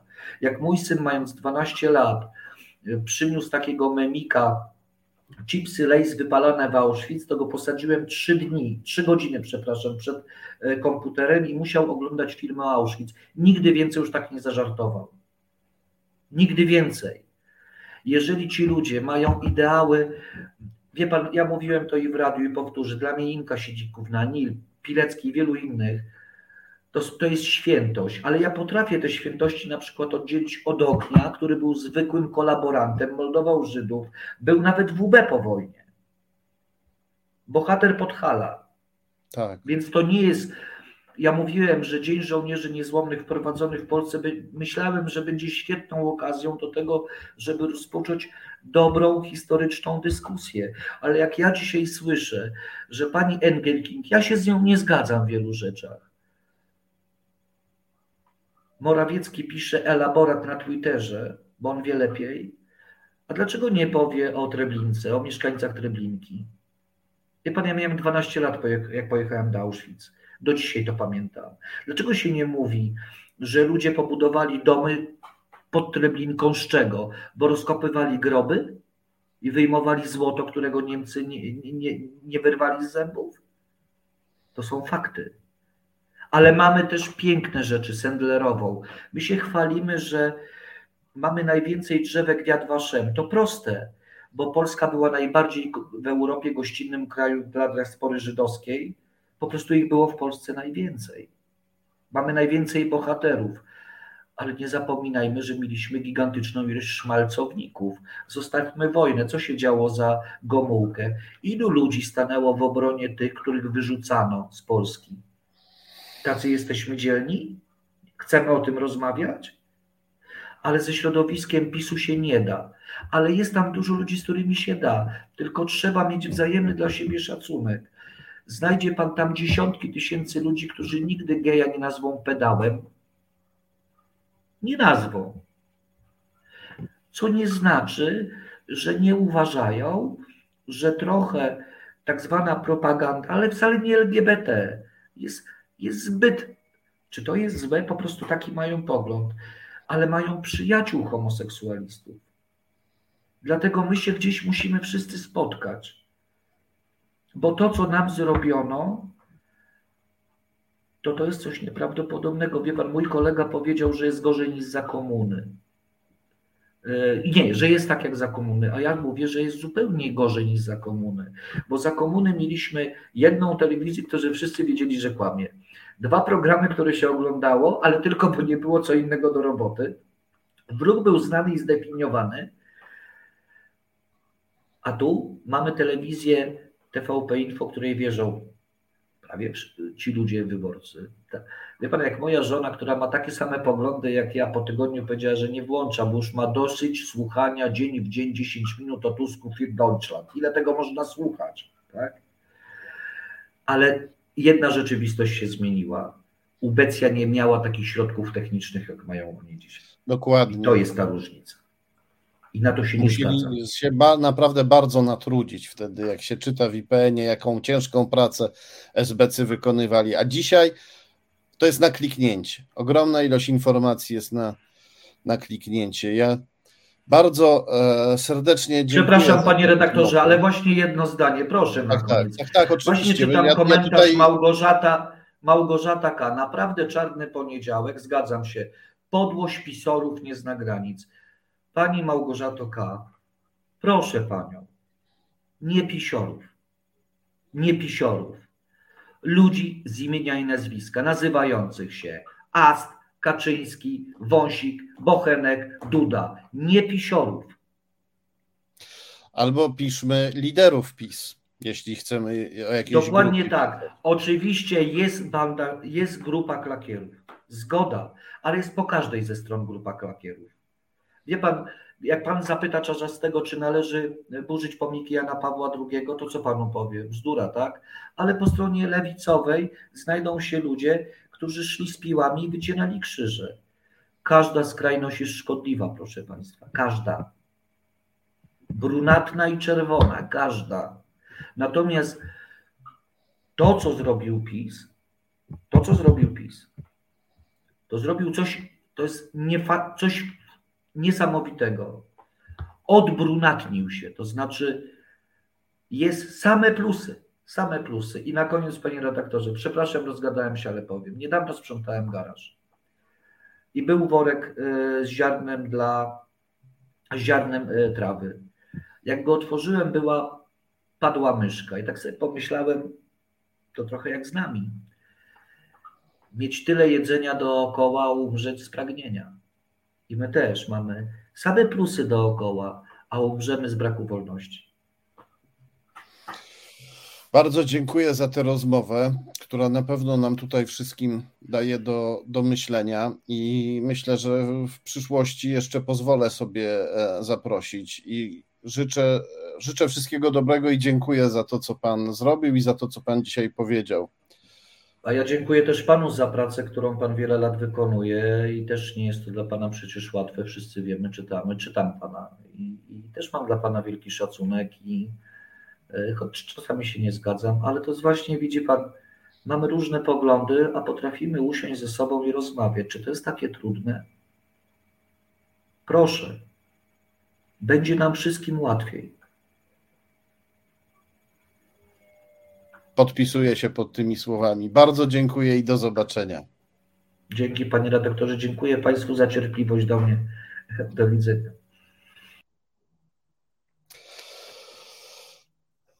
Do przemyślenia faktycznie rozmowa i bardzo były to, to porusza, poruszające te słowa. Tak jak mówi pan Robert, nie musimy się ze wszystkim, co powiedział, zgadzać. Natomiast bardzo cenne jest to, że ktoś z drugiej strony wykonał taką pracę, żeby wyjść nam naprzeciw i żeby ujawnić trudną prawdę. Ja jeszcze chwilę chciałem się zatrzymać przy aferze hotelowo-podsłuchowej. Wspominaliśmy o panu Kristesku, który jest prezesem polskiego holdingu hotelowego i który, jak widać, pomaga pisowskim służbom podsłuchiwać opozycję i nie wiemy jeszcze kogo, być może również wielu innych gości hotelowych. Pan Kristesku, jak samo nazwisko wskazuje, wywodzi się z Rumunii, ale trafił do Polski już w dość młodym wieku. To jest właśnie pan Kristesku. Tak wygląda na zdjęciu, które opublikował portal rumuński Libertatia.ro, ponieważ ten media rumuńskie informują o działalności pana Kristesku. Jest taka, można powiedzieć, duma w mediach rumuńskich, że jest właśnie taki Rumun, który robi wielką karierę w Polsce. I postanowiłem tak sprawdzić, skąd pan Kristesku się w Polsce wziął. W polskich mediach można przeczytać, że był piłkarzem wcześniej w Rumunii, ale nie za bardzo można się dowiedzieć, kiedy on dokładnie tym piłkarzem był. No więc sięgnąłem do źródeł rumuńskich i znalazłem właśnie portal Libertatia.ro, który zamieścił to zdjęcie i który zamieścił artykuł. Właśnie widzimy fragment tego, tego artykułu. Nasza dzielna realizatorka Iza nam go właśnie pokazuje.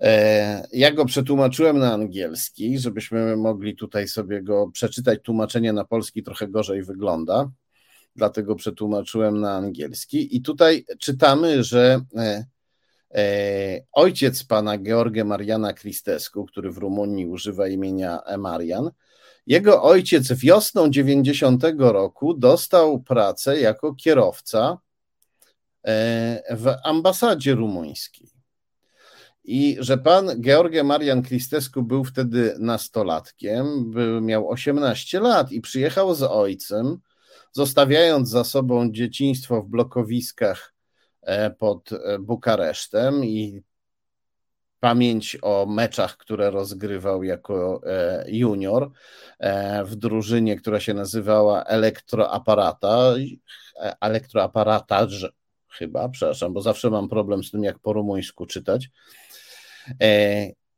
I w, czytamy tu również, że pan Kristesku e, jako osiemnastolatek, gdy przyjechał do Polski, to od razu mówił po polsku. Co jest, co jest ciekawe. No ale ciekawe jest również to, że e, jego ojciec dostał pracę kierowcy w ambasadzie w Warszawie, chociaż na pewno znacznie lepiej znał Bukareszt. Kiedy ambasada chce zatrudnić kierowcę, takiego, który jest po prostu kierowcą, to zwykle zatrudnia kogoś miejscowego, kto dobrze zna miasto.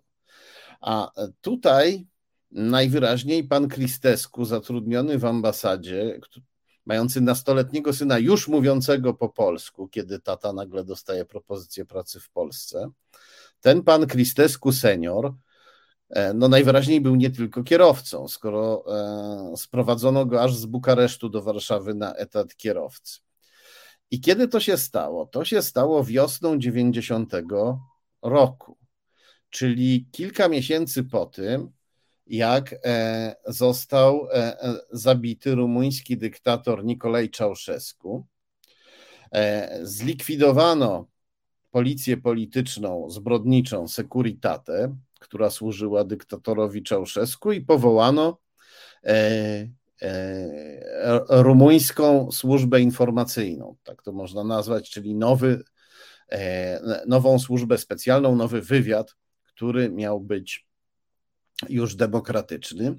I dokonując rozbioru logicznego tej sytuacji, o której przeczytaliśmy sobie na, rumuńskim portalu Libertatia, no to by wszystko wskazywało na to, jeśli informacje portalu są prawdziwe, że e, ojciec pana Kristesku został e, oddelegowany do Polski służbowo nie tylko jako kierowca, więc ten e, nowo powołany wówczas wywiad rumuński mógł mieć z tym coś wspólnego.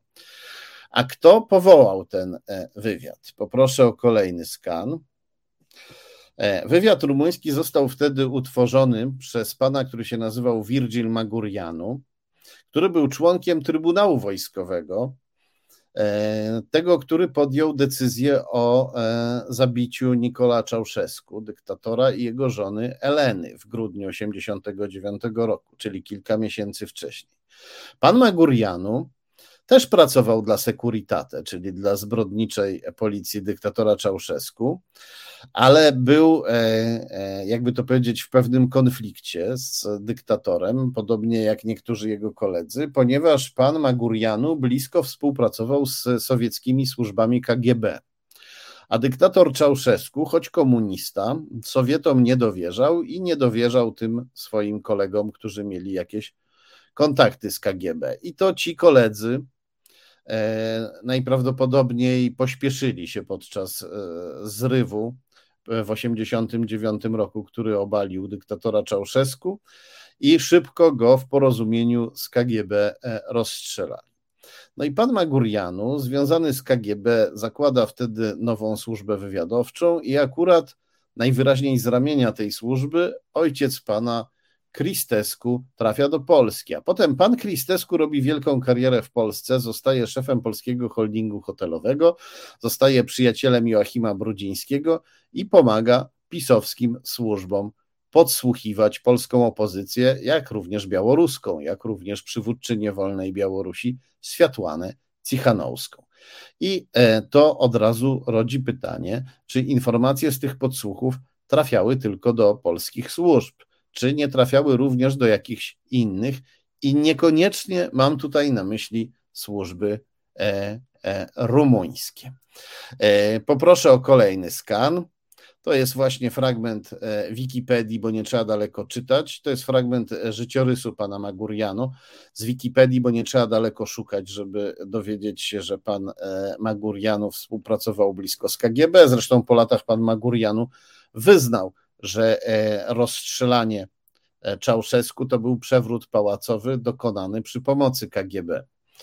No, ale to już e, e, inna historia. Musielibyśmy się tutaj zagłębić właśnie w dzieje e, Rumunii, a nas mimo wszystko oczywiście interesują nas też inne kraje, nie jesteśmy zaściankowi, ale jednak w obecnej sytuacji, w której jesteśmy dzisiaj, najbardziej nas interesuje, nas interesuje Polska. Dlatego przejdziemy do kolejnego bohatera w cudzysłowie, antybohatera naszych czasów, antybohatera najnowszej polskiej historii, jakim jest Daniel Obajtek.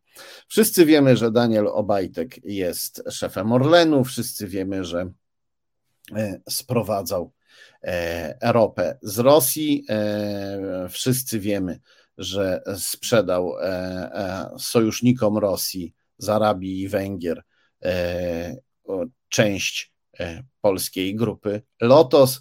Wielu z nas wie również, że mimo sankcji e, zarezerwował sobie e, dużą ilość ropy w Rosji. Pan Obajtek również w tym roku. No, ale są jakby w jego historii osobistej i zawodowej rzeczy, rzeczy, o których nie wiemy, rzeczy równie ciekawe, nawet jeszcze ciekawsze, choć może mniej malownicze niż na przykład te wyzwiska, którymi obrzucał Obajtek swojego e, wuja na początku swojej biznesowo-kryminalnej kariery, o których pisała Gazeta Wyborcza. Ja tutaj nie będę powtarzał tych wulgaryzmów, tego rynsztokowego strumienia świadomości. Są rzeczy, o których nie wiemy, a które są nie mniej interesujące, bo jeśli myślą Państwo, że taki, nawet taki szkodnik jak Obajtek ma jakąś, jakiś limit szkód, który może wyrządzić, e, i że mm, nie wszędzie, gdzie się poruszał, nie wszędzie, gdzie przebywał, siał zniszczenie, no to się Państwo mylą. No najwyraźniej dla Daniela Obajtka takich granic nie ma. Daniel Obajtek, e, zanim e, trafił do do Orlenu, był prezesem Agencji Rozwoju i Modernizacji Rolnictwa. I to Kaczyński zrobił go szefem tej e, Agencji Modernizacji i Rozwoju e, Rolnictwa, e, jak tylko doszedł do władzy. Jak to dokładnie wyglądało? W 2015 roku Daniel Obajtek został pełniącym obowiązki został pełniącym obowiązki e, prezesa Agencji Restrukturyzacji i Modernizacji Rolnictwa, a 13 stycznia został prezesem tej agencji. To, co teraz widzimy, właśnie to jest skan z, ze strony Agencji e, Restrukturyzacji i Modernizacji Rolnictwa, dokładnie ze strony, która archiwizuje znikające z internetu podstrony. Ta strona, którą widzimy, zniknęła, ale tak zwane archiwum internetowe, Web Archive, e, tę stronę zarchiwizowało. I e, co się dzieje w Agencji Rozwoju i Modernizacji Rolnictwa, kiedy Obajtek zostaje jej prezesem? E, Obajtek wyrzuca 304 kierowników powiatowych 304 kierowników oddziałów powiatowych agencji z ogólnej liczby 314.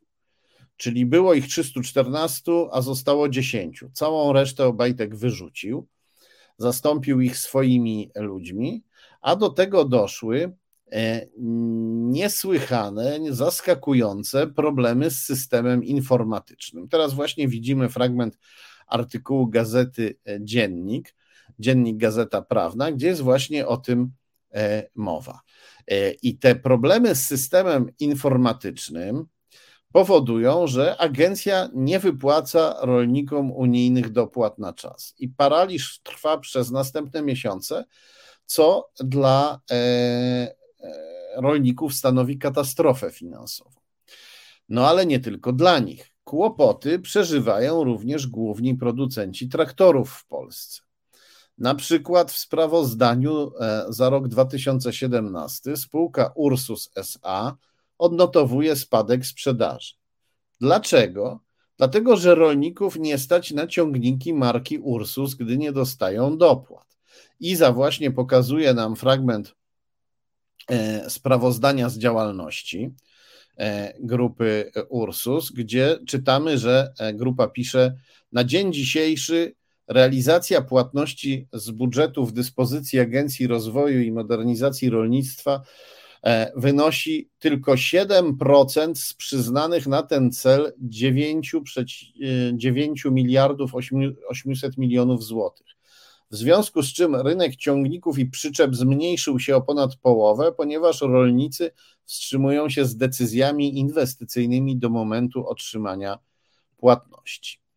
E, I tak sobie na to e, e, patrzymy, no i mówimy, no dobrze, ale to okej, okay, no to może jest wynik po prostu zamieszania. Wyrzucili swoich, znaczy wyrzucili z fachowców, na ich miejsce postawili swoich kolegów, nic nie umiejących, no ale ci koledzy teoretycznie powinni się czegoś po drodze nauczyć, a jednak zamęt spowodowany przez Obajtka trwa i trwa no, trudno uwierzyć, żeby materia ludzka, która się dostała do, do, do e, Agencji Rozwoju i Modernizacji Rolnictwa, się nic, niczego w ogóle nie uczyła. Gdybyśmy tak myśleli, to byśmy tutaj właśnie stosowali jakiś taki rasizm w stosunku do ludzi związanych z PiSem, przed czym przestrzegał nas pan Robert Ziółkowski. No najwyraźniej tam jest jakiś jeszcze większy, głębszy problem.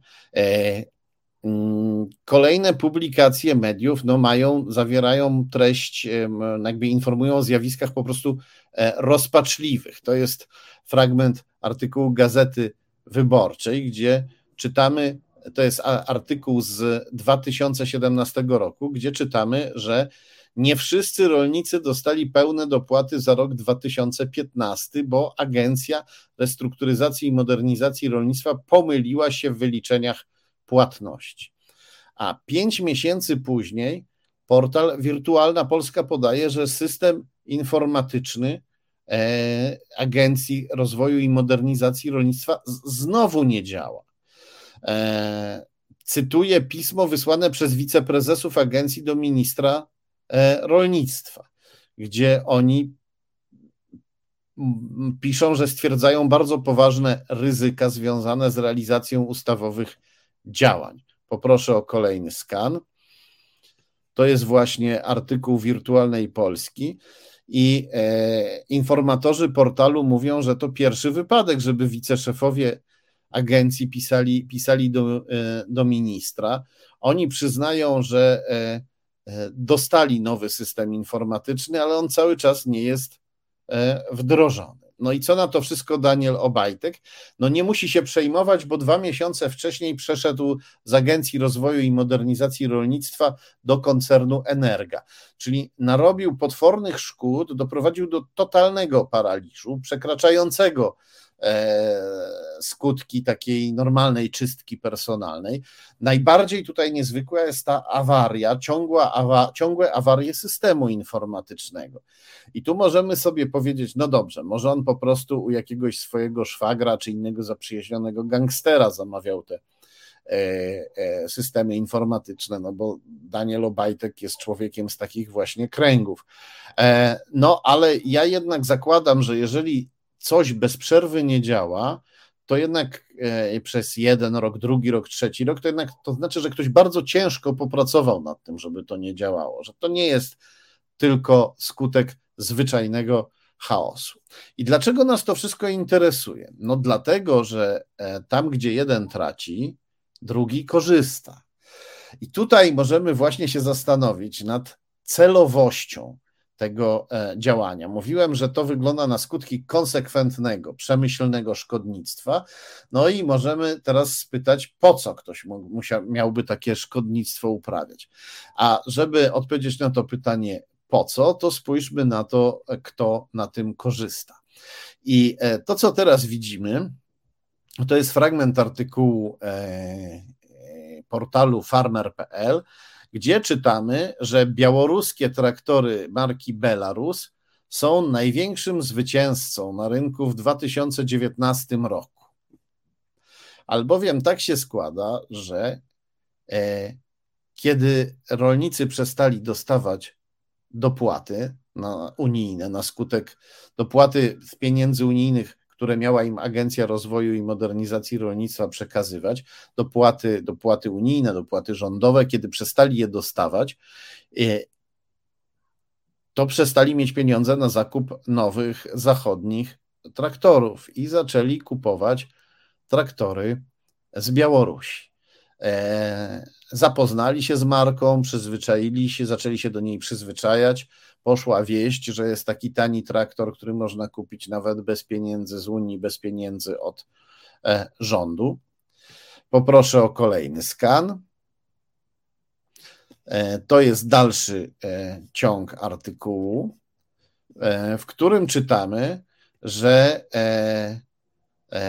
białoruskie traktory firmy MTZ Belarus, marki Belarus, zajmują trzecie miejsce pod względem sprzedaży ciągników w Polsce. W 2019 roku Białorusini sprzedali w Polsce ponad tysiąc traktorów, wyprzedzając znaną markę Kubota. Jednak z tym sukcesem wiążą się wątpliwości prawne. W jaki bowiem sposób białoruskie traktory zdobywają Polskę? Jak to możliwe, że ktoś je wpuszcza w ogóle na unijny rynek? Przecież emisja spalin w ciągnikach z Białorusi przekracza i to daleko normy Unii Europejskiej zazwyczaj. I w 2020 roku posłanka PO e, Agnieszka Hanajczyk składa interpelację do ministra infrastruktury. E, i pyta, jak to możliwe, że mimo postanowień dyrektywy europejskiej do Polski masowo, stając się liderem rynku, trafiają pojazdy informowane, przede wszystkim e, pojazdy typu Belarus z silnikami, które mają normy Stage Zero albo Stage One, czyli Stage Zero albo Stage 1. I co oznaczają te normy? oznaczają, że sprzedaży tych modeli od dawna zakazano w Polsce i w Unii e, Europejskiej. I Krajowa Rada Izb Rolniczych potwierdza, że ten problem, e, że ten problem istnieje. To, co widzimy, to jest fragment artykułu portalu money.pl, gdzie e, mamy taki tytuł: Nielegalne ciągniki w Polsce trują środowisko, a w innych nie ma. No, trują środowisko, bo mają emisję spalin drastycznie przekraczającą dozwoloną. I w 2023 roku kontaktuję się ze źródłami działającymi w branży ciągników. Jeden z informatorów mówi mi, że nowe ciągniki są sprzedawane w Polsce jako używane i w ten sposób się e, omija e, zakaz importu ciągników, które nie spełniają unijnych norm. Kiedy rolnik je kupuje, to nie jest tak, jakby kupował ciągnik z zagranicy i musiał go przeprowadzić przez granicę i zarejestrować w Polsce, tylko dostaje ciągnik nowy, który udaje używany już od dawna w Polsce e, e, pracujący. I według mojego informatora wielka część z tych ciągników jest bezprawnie rejestrowana na Podlasiu. Na Podlasiu w Wydziale Komunikacji jednego z tamtejszych starostw i informator twierdzi, że byłoby to niemożliwe, gdyby pisowskie Ministerstwo Spraw Wewnętrznych nie patrzyło na to przez palce. I wskazuje informator na Jarosława Zielińskiego, wiceministra spraw wewnętrznych w latach 2015-2019. No tak się faktycznie składa, że Jarosław Zieliński to podlaski poseł i baron PiS, jak również wieloletni faworyt Jarosława Kaczyńskiego. O, właśnie widzimy tutaj fragment e, artykułu e, wirtualnej Polski, artykuł pod tytułem Zieliński i Kaczyński, tajemnica dwóch Jarosławów. Artykuł przypomina, że Zieliński wielokrotnie kompromitował swoje, swoją partię i ministerstwo. Przypomina, że organizował żenujące imprezy, na przykład E, zmuszano policjantów, żeby kroili dokumenty na konfetti, którymi później posypywano wiceministra z helikopterów, albo na przykład starsze panie tańczyły w girlandach kwiatowych przed obliczem e, wiceministra Zielińskiego. To miał, ten taniec miał się nazywać Sen Hawajów. E, były i gorsze rzeczy. Jak Zieliński odpowiada za policję, pamiętamy, że policja e, zabiła Igora Stachowiaka we Wrocławiu. Były znacznie gorsze rzeczy, a mimo to Zieliński bardzo długo pozostawał na stanowisku. Czytamy tutaj w artykule e, Wirtualnej Polski, że prezes, czyli Kaczyński, ma do Zielińskiego niewytłumaczalną słabość, ale tak jest jeszcze z czasów porozumienia centrum mówi anonimowy polityk PiS, zacytowany w tekście. E, trudno mi wyobrazić, żeby Kaczyński odwrócił się od Zielińskiego, bo Zieliński ma dużą wiedzę o początkach i tworzeniu się porozumienia centrum, czyli pierwszej partii Jarosława e, Kaczyńskiego. No i e, poproszę o kolejny skan. No i tak się składa, że pupil Kaczyńskiego-Zieliński jest też w dobrych stosunkach z pupilem Kaczyńskiego Danielem Obajtkiem, który doprowadził do tajemniczej awarii w Agencji Rozwoju i Modernizacji Rolnictwa, która dziwnym sposobem okazała się niezwykle korzystna dla e, białoruskich traktorów sprowadzanych do Polski e, dzięki cichemu poparciu Jarosława Zielińskiego, jak mówi mój informator z branży.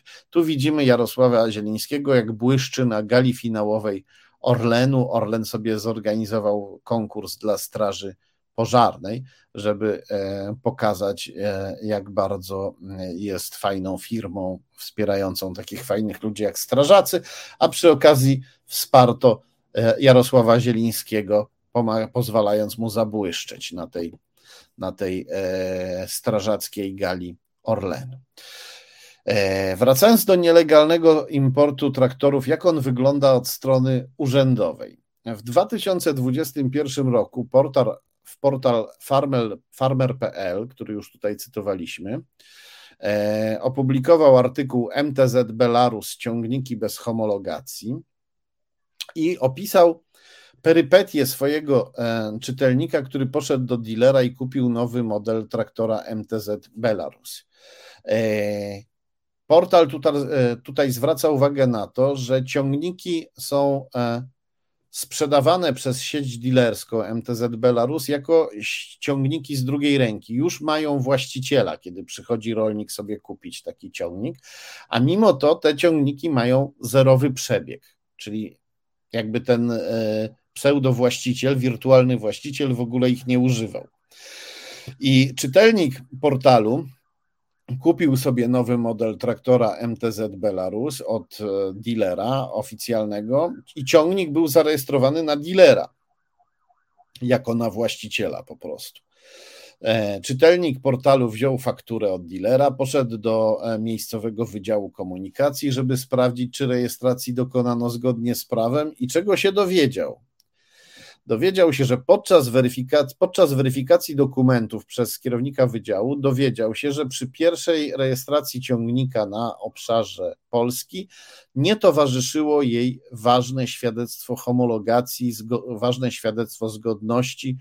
E, żadna e, też decyzja o dopuszczeniu jednostkowym wydana przez krajowy organ homologacyjny, takie decyzje się wydaje, kiedy można wydać, kiedy nie ma zezwoleń. Tutaj nie było ani zezwolenia, ani decyzji jednostkowej. E, I do tej e, sprawy, do tej grubej afery odnosi się też w innym medium, w tygodniku rolniczym, odnosi się prezes polskiej filii MTZ Belarus, ponieważ białoruska firma ma filię w Polsce. Prezes się nazywa Dmitryj Adamowicz. E, tak właśnie wygląda i twierdzi, że białoruskie ciągniki nie mają żadnej wady prawnej. Nie mają żadnej wady prawnej, mówi, a jednak przyznaje półgębkiem, poproszę o kolejny skan, że te traktory jednak przekraczają unijne normy emisji e, e, spalin. Przyznaje, i próbuje to zatuszować tym, że firma ma przecież ciągniki zgodne z normami Unii Europejskiej, tylko niestety polskich farmerów zwykle nie stać na te modele.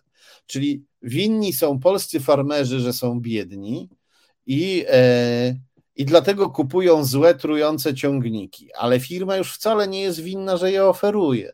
To wina tych farmerów. Gdyby farmerzy chcieli albo gdyby mieli pieniądze, to przecież kupiliby sobie e, lepszy, nietrujący ciągnik. Taką logikę prezentuje nam prezes firmy sprzedającej trujące ciągniki, pan Dmitryj Adamowicz z Białorusi. E, rzecz jasna, nie jest winą polskich farmerów to, że nie mają pieniędzy na e, e, zakup dobrych, nietrujących, zgodnych z unijnymi normami traktorów. Winą, winę tutaj ponosi człowiek, od którego zaczęliśmy tę historię, człowiek, który doprowadził do totalnego chaosu w Agencji Rozwoju i Modernizacji Rolnictwa, doprowadzając do tego, że przez kilka lat nie wypłacała ona e, e, dotacji, nie wypłacała ona dopłat polskim rolnikom, którzy przez to byli skazani na białoruskie ciągniki. Kto na tym zarobił? Oczywiście Białoruś, białoruska reżimowa firma MTZ Belarus i reżim Białorusi, który ściąga od niej haracz w postaci lega, podatków legalnych i, e, i nielegalnych. I znowu można tutaj sobie powiedzieć, no to jest wszystko e, wynikiem chaosu, czystki, po prostu PiS zrobił bałagan, a sprytni Białorusini zobaczyli w tym bałaganie szansę e, dla siebie. E, ja jednak e, widząc żelazną konsekwencję w działalności PiS i w działalności Daniela Obajtka, zakładam, że w tym przypadku nie mamy do czynienia z przypadkiem, że ten przypadek to nie przypadek. I przekładamy się o tym również za tydzień, bo za tydzień pociągniemy ten wątek, opowiemy o innych e, aspektach afery traktorowej PiS e, i zobaczymy, że za wiele w tym przypadku jest przypadków, żeby uznać go za przypadek. E, musimy już kończyć. Na koniec powiem tylko, że jest mi bardzo, bardzo smutno i źle po tym, co się stało dzisiaj. Mówiliśmy tutaj o wzorcach stalinowskich o powołanie, pierwsza sowiecka policja polityczna nazywała się Nadzwyczajna Komisja, tak ją nazwano. Lenin i Dzierżyński ją stworzyli, to znaczy Lenin ją e, po, powołał, a Dzierżyński ją utworzył i stał na jej czele. Nadzwyczajna komisja miała nadzwyczajne uprawnienia e, i e, wydawała e, wyroki samowolnie, a były to wyroki, które ludzi, które ludzi niszczyły.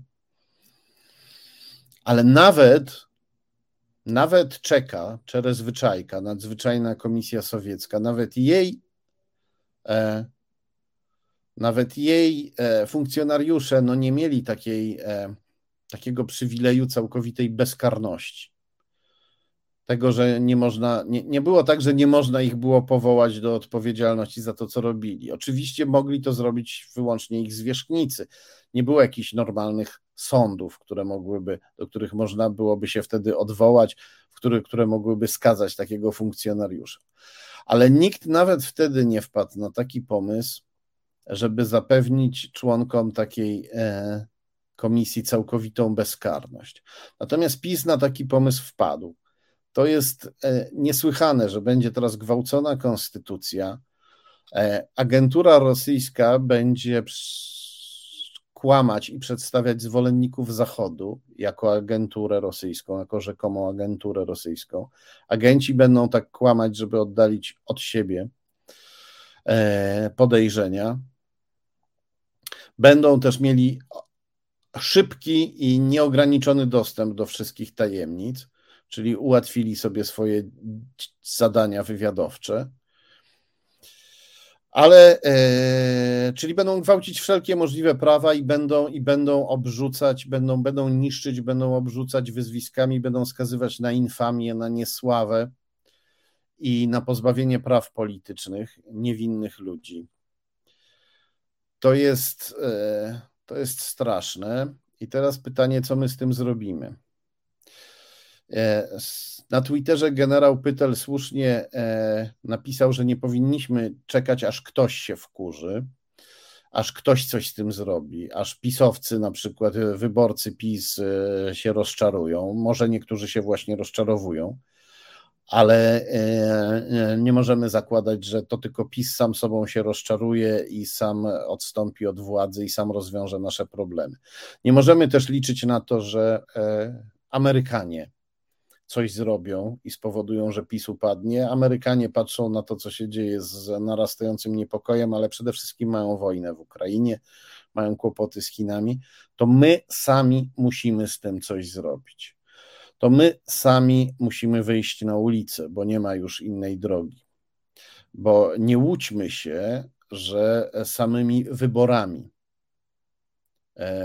odzyskamy demokrację. Wybory są bardzo ważne, trzeba iść, zagłosować w jak największej liczbie, ale trzeba pamiętać, że PiS może je sfałszować, a nawet jeśli w sposób oczywisty je przegra, to może wcale nie chcieć oddać władzy nawet po przegranych wyborach. I potraktujmy ten marsz 4 czerwca jako taką próbę generalną. Idźmy jak najliczniej, żebyśmy się mogli policzyć i żebyśmy mogli poczuć swoją siłę. Wszelkie granice zostały przekroczone. Każdy, kto e, nie walczy z tym reżimem, mu pomaga. E, I e, pamiętajmy o tym. Każdy, kto z tym reżimem nie walczy, w tej chwili mu pomaga. Czas neutralności, jeśli w ogóle wcześniej był, się skończył. Niestety, to, mm, to są bardzo mocne i ostre słowa, które mówię w tej chwili, ale sumienie nie pozwala mi powiedzieć innych. Dziękuję Wam bardzo. Super, że jesteście. Super z Wami znowu być. Bardzo się cieszę, że znowu z Wami jestem. Bardzo dziękuję Izie, która realizowała. Bardzo dziękuję Wam za Wasze komentarze. Dziękuję dzisiejszym gościom, którzy mówili bardzo poruszająco. Widzimy się i słyszymy za tydzień. Za chwilę prawoteka, a za chwilę prawoteka, a my widzimy się i słyszymy za tydzień. Do zobaczenia.